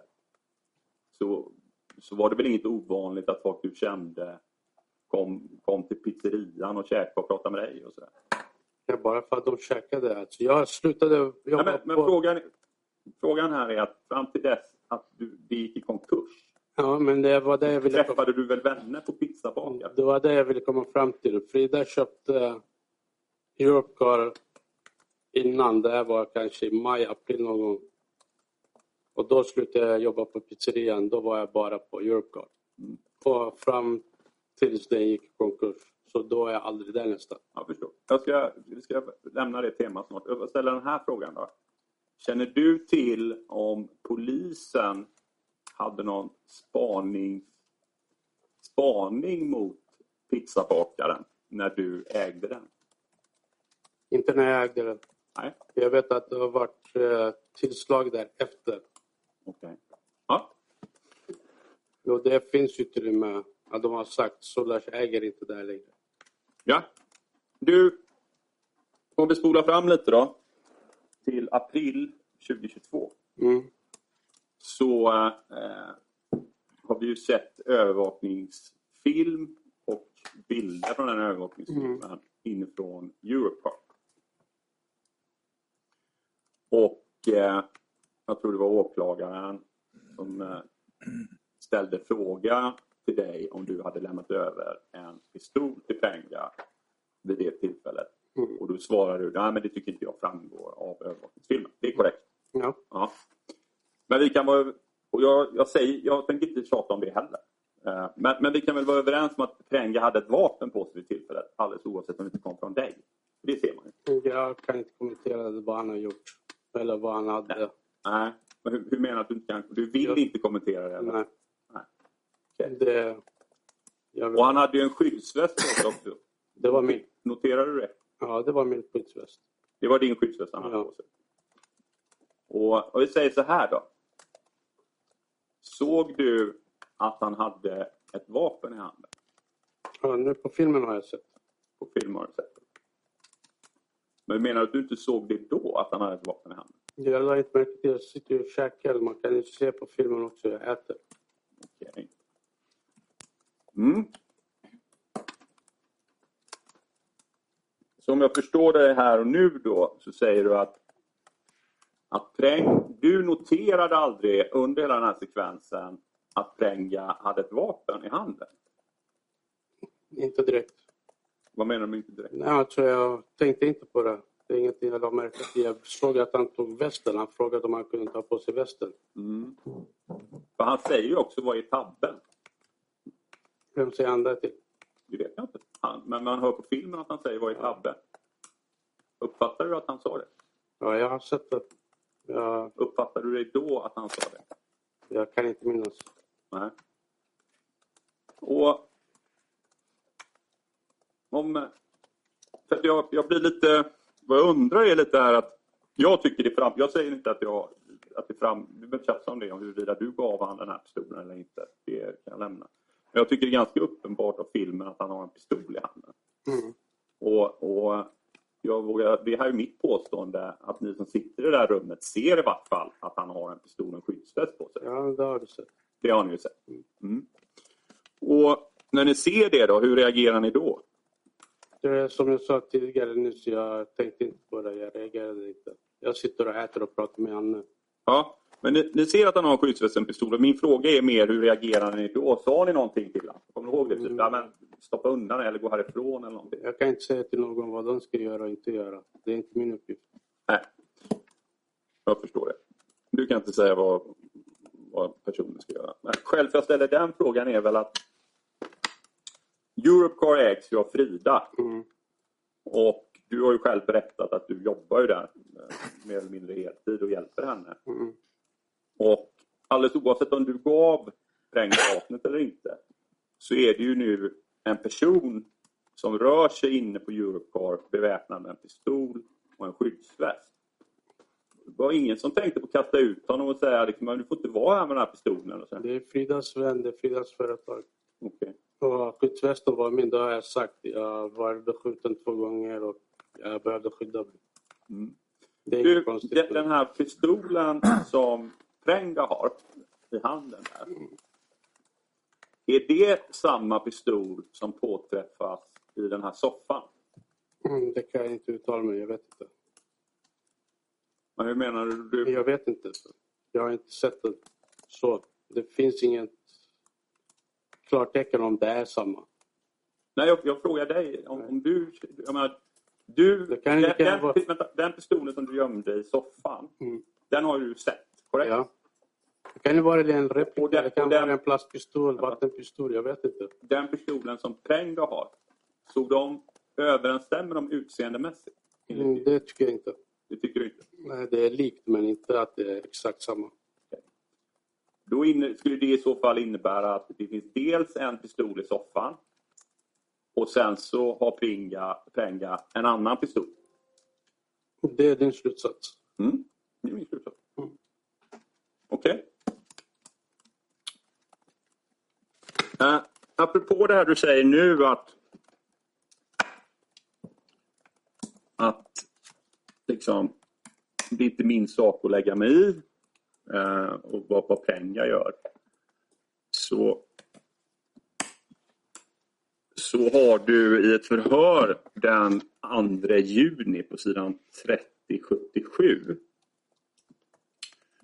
fått fråga eh, kring hur du skulle reagera på om eh, du har fått reda på att någon har vapen Mm. på Europcar. Eh, och då svarar du lite annorlunda mot vad du svarar här idag. Eh, och det börjar högst upp då. Det är apropå... Du får frågan om de här med kulhålen och det har du ju sagt här att det är ingenting du la märke Det sa du ju här, det är ingenting du la märke på. Eh, och så säger förhörsledaren så här, nej, är det någonting som du, som du har liksom sett att han har haft något vapen eller? Nej. Mm.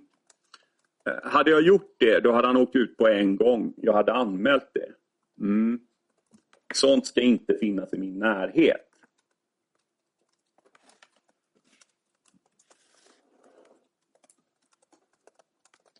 Men återigen då.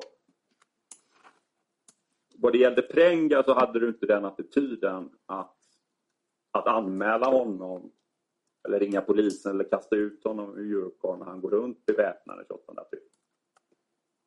Korrekt? Ja, jag har inget med det att göra.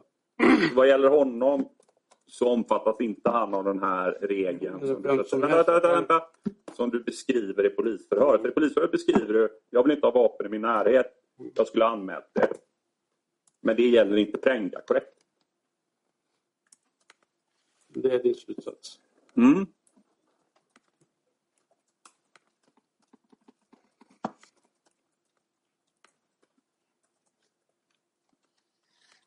Om vi stannar där vid de här kulhålen Mm. på Europcar.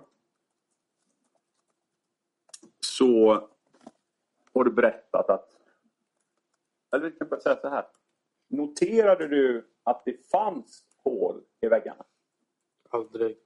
Nej, du har inte ens lagt märke till att det fanns hål i väggarna, än mindre då att det fanns kulhål i väggarna. Nej, jag visste inte det. Jag har inte sett det. Det är inte så att jag går och kollar på väggen. De är nästan fyra meter höga. Jag förstår. Och den du har sagt att det är typ ögonhöjd, det är, då måste man vara 2,30 lång för att se det. Jag är ganska lång. Men inte jag tyvärr. Eh, Det är liksom, de, här, de här kulhålen, som jag förstod det rätt, det har du fått reda på först när du fick förundersökningen. Mm. Mm. Kulhålar. Vi kände inte till någonting. jag tror att de har sagt det också. Vilka är de? Poliserna.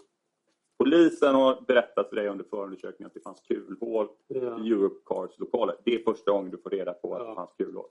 Jag förstår. Och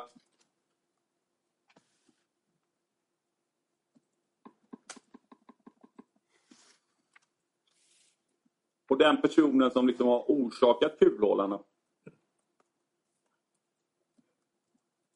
Är det någon som har liksom... Det är ingen som har ringt till dig och berättat om att, om att ja, det har skjutits in i lokalen?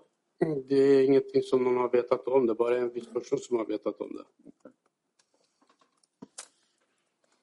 Det skulle väl kännas, man säger så här då. En person som skjuter in i din lokal. Skulle den personen ringa dig och berätta om det? Mm, Det tror jag inte. Nej. För det är inte någonting man gör direkt på en lokal när man har ett förtroende för den personen och vara vistas där och sen gör någonting. Man kan säga så här. Rätta mig om jag har fel. Om man innehar en pistol och går runt och skjuter i, i Europecars lokaler då begår man ju dels brott genom innehav av vapnet och skadegörelse genom att förstöra lokalen och man förstör ditt förtroende. Eh, det vore väl väldigt konstigt att ringa till dig och berätta om en sån sak, eller? Ja, det tycker jag. Och ringa och berätta om sin egen brottslighet till dig. Varför ska man göra det? Det finns väl ingen anledning? Nej. Nej.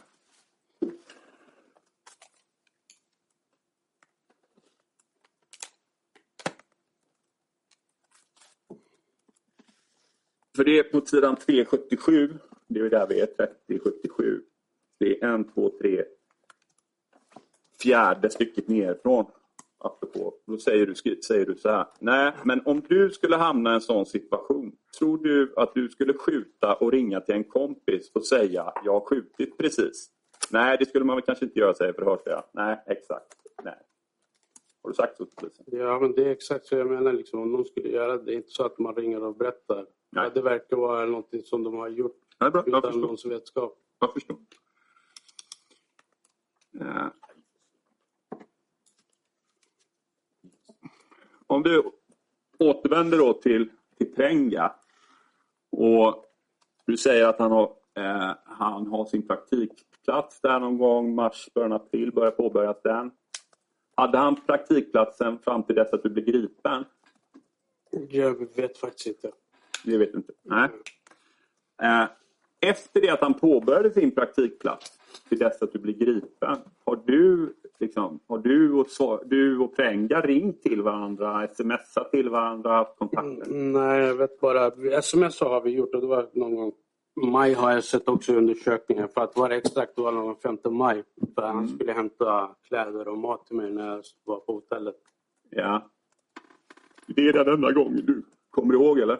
Ja, det är bara den enda gången. För han skriver ju också på sms, det är greken. Jag har inte ens haft hans nummer. Nej, jag förstår. Och då jag ringde till Arit och kollade om han kunde hämta mat och kläder mig. Men han var inte i stan.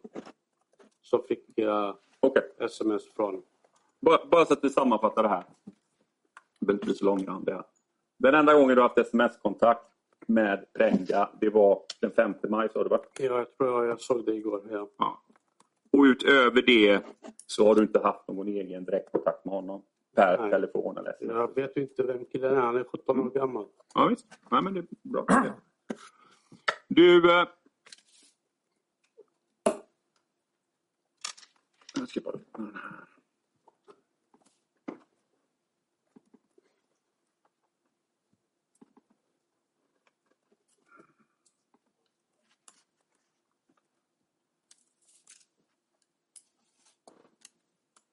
Var det öppna? Det är så mycket protokoll. Ibland går man...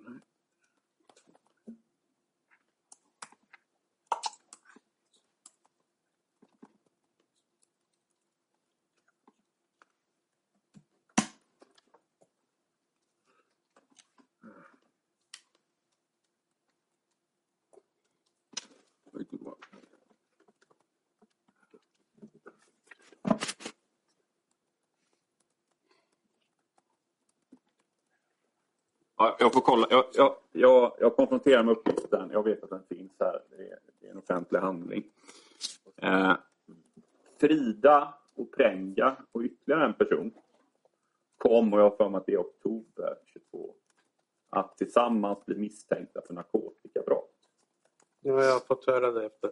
Mm. Då var jag häktad. Då, då var du häktad? Mm. Okej. Eh, har du någon uppfattning om Frida och Prengas relation? Jag kan inte uttala mig om det. Det är hennes privatliv. Jag förstår. Eh, jag säger så här då, kan det varit så att de hade en, en relation, Frida och Prenga? Enligt Frida de har inte haft någon relation, bara att han har sovit där på grund av de var ute på diskotek eller puben. Okej, men han har sovit över hemma hos henne? Ja, plus en till. Okej. Mm. Du vet varför skäl för att ställa den frågan Ja, jag att fattar. Jag förväntade mig att du skulle fråga. Ja, fråga. det är inte för att liksom vara otrevlig eller någonting. utan Jag måste... Det är hennes privatliv. Ja, jag förstår det. Skälet för att ställa den frågan är ju att polisen i förhör till dig sa att de påträffade Frenga och Frida tillsammans i sängen. Ja, men eh, det var ju en annan också. All right. Vi lämnar det. Vi går över till eh, den så kallade vapenresan. Då. Eh, Den 23... Men Vi, börjar så här. Du har berättat om att du vidtar en resa med eh, Rustika Kurs. Kommer du ihåg när den resan påbörjades? Vilket datum? Inte riktigt, men det var väl 21, 22 någon gång. Och eh, ni var bland annat i... Var ni i Örebro?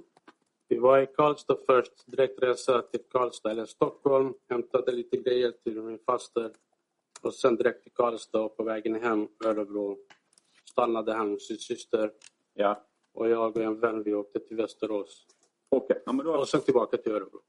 Och sen tillbaka till Örebro. Ja. Och eh, är det korrekt att du och Rushdie åkte ner till Stockholm den 23 februari? Det kan stämma. Mm. Eh, tilläggsprotokoll 1. På sidan 291 så eh, finns det, har du kopplat upp, eller finns det ett kallat Airport-nätverk på någonting som heter eh, Livington Hotel. Mm. Eh, och det ska visst ligga i Vällingby. Kan du ha bott på, på Livington Hotel mellan 23 Ja, Det är lägenhetshotell det där ja. ja. Bodde du på lägenhetshotellet Livington Hotel mellan den 23 och 24 februari? ja. Ser det ut så? Det ser ut så. Och bodde du där själv eller bodde du tillsammans med Rushdie? Mm, jag bodde där med Rushdie, vi hade varsitt rum. Mm. Och vem var det som betalade för det? Jag. Och vem är det som har betalat för de här hotelletterna ni har haft tillsammans? Jag. Och bilen ni åkte med ner till Stockholm, den var väl också din va? Ja, det var Mercan ja. Och du betalar bensin antar ja. Eh, Det var min resa, där jag skulle ändå åka till Karlstad. Ja. Och eh, om man går på den 24 till 25 februari, minns du var du bodde då? Inte riktigt. Nej, Eh, det förstår jag. Det är rätt länge sedan. Men på sidan 292 i samma protokoll, tilläggsprotokoll 1, sid 292, så under punkten 8.5 så står det Home Hotel Järfälla 2002-24 till 2002-25. Sordars ansluten till wifi-nätverk på Home och Hotell Järfälla Väddestad industriområde. Och det finns även en bokning där om jag inte missminner mig. Bodde du på det hotellet? Ja, jag har checkat in där. Mm. Så du bodde på det här hotellet mellan den 24 och 25 februari? Ja, Och vem är det, bor du själv eller bor Rushdie där? med Rushdie också. Okej. Och vem är det som betalar för det? Jag. Och vems förslag var det att bo på de här hotellen? Grejen är, jag har alltid bott på hotell. Jag har släktingar som bor i Stockholm. Jag har min syster Jag tränger mig aldrig in hos någon. Jag har bott på hotell som jag sa till åklagaren också de senaste två, tre åren. Jag förstår. Jag har ingen lägenhet. Jag, har, jag är fri. Jag förstår. Jag, Ja, jag jag, säger- älskar att unna mig fru- hotellfrukost, leva lyx. Jag respekterar en man som vill bo på hotell. Men kan jag då förstå det som att det var du som bestämde vilka hotell ni skulle bo på? Du har ju pengarna och det är du. Är det korrekt? han hade ju ingenstans att bo. Nej. Så det är du som bestämmer Ja. att du ska bo på de här hotellen? Korrekt? Han pratade inte med sin pappa. Han hade ingenstans att bo. Så. Jag förstår. Eh, och, och bara så jag förstår, varför skulle ni vara i Stockholm och bo på hotell? För att vi skulle vara där. Jag har, träffat, jag har mina vänner i Stockholm. Ja. Så du är i Stockholm för att träffa vänner? Ja, jag brukar åka dit varje vecka. Om man tittar på mina bokningar och mina uppkopplingar, det visar sig att så fort jag får ledigt jag åker.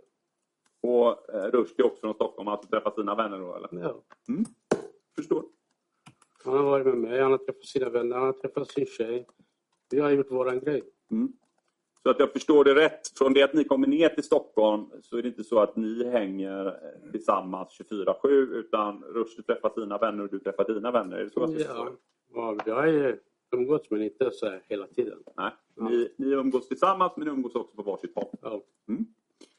Och Arit har berättat eh, att du ringde ner honom redan första gången och det var den 25 februari.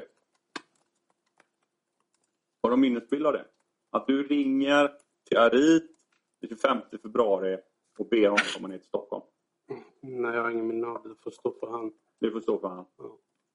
Du säger att- nu, ja, Okej, jag förstår. det. Du har inget minne av att du ska ha ringt ner honom den 25? Ja, Jag har hört att han har berättat det men det är ingenting jag vet om. Nej. Du... Vad skulle du och Arit göra på Pluggvägen?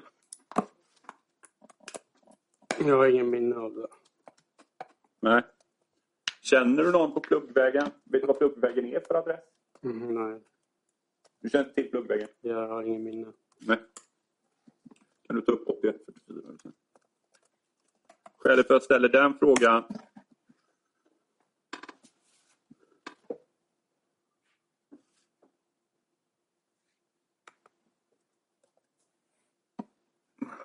är att Arit skickar ett sms till dig den 25 februari klockan 15.27 där han skriver pluggvägen 2. Du ser det där va? Mm. Och sen så skriver han, skriv innan du åker, kommer få ny adress då. Haninge-sidan. Solna? Frågetecken. Vad, vad handlar de här sms om? Mm, Jag har ingen minne. Nej, jag förstår. Man kan ju få intrycket av att ni ska åka någonstans. Pluggvägen, kanske det kan komma att ändras adressen. Möjligt. Möjligt. Men du minns inte idag? Jag minns inte. Ja, jag förstår. Och sen berättar du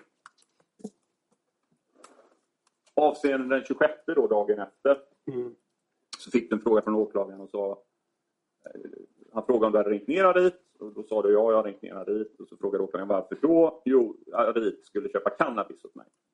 Jag köpte cannabis, han skulle leverera. Han skulle leverera? Ja. Okej. Bara så jag förstår det här då. Du ringer ner Arit. Vad är det Arit ska göra? Han skulle köra cannabisen med mig. Jag har ringt honom flera gånger för att köra cannabis. Okej. Så om jag förstår det hela rätt då, att du skulle förvärva cannabis. Mm. Sen skulle Arit köra det upp i sin bil. Ja. Eller annars? ja, jag har ju sagt det. Ja. Ja. För annars, ja, jag menar om du kan köra upp cannabisen själv Ja. behöver ju inte Arit komma ner. Jag har ingen körkort och eh, bilen är känd. Jag förstår. Okej, men nu tror jag fattar. Vad du menar är så här. För du har ju så här, när du förvärvar cannabis Mm. i Stockholm så är det förenat med risker för dig att köra cannabisen själv upp till, Stockholm, äh, upp till Hudik i bilen. Därför du har inte körkort. Polisen kan komma och stoppa dig. Jag har mycket att riskera. Du har mycket att riskera. Och därför är det bättre att Arit kör. För han har mindre att riskera och han har körkort. Det är så att det är vad du kan tolka det till. Ja, jag förstår. Och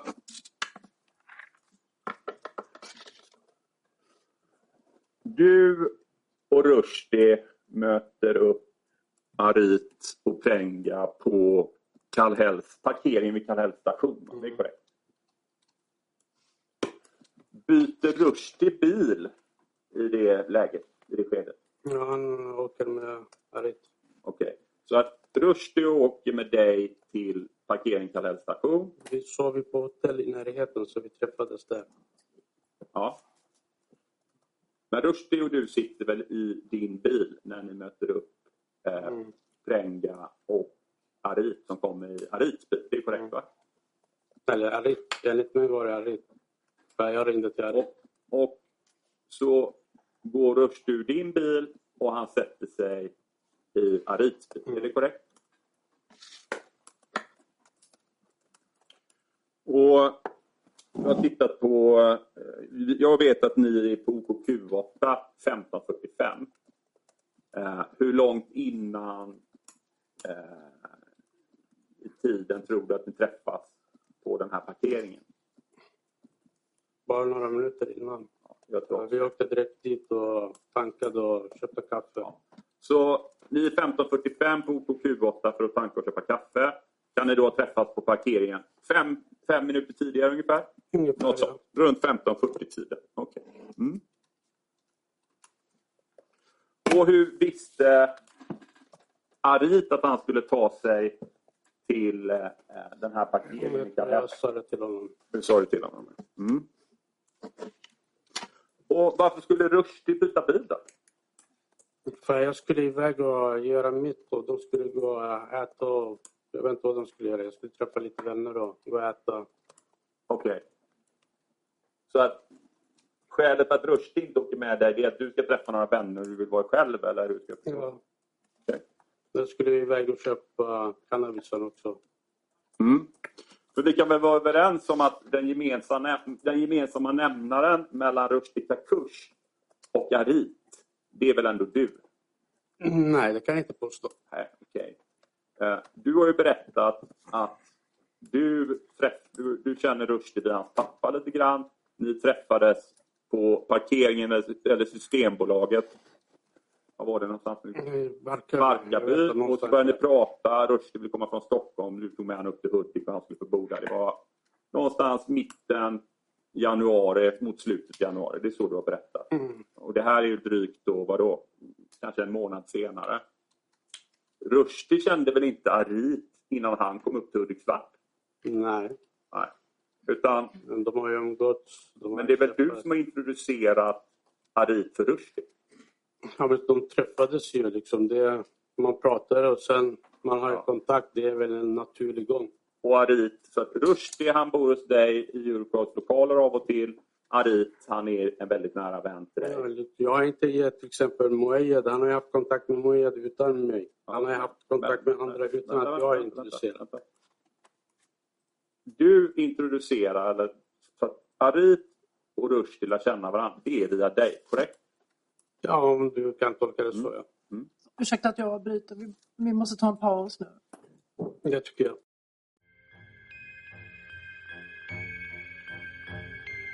Jag har lyssnat på ett avsnitt av Krimfupps podcast. Tipsa gärna oss på krimfupp.se om det är någon speciell rättegång ni skulle vilja höra. Tack för att ni har lyssnat.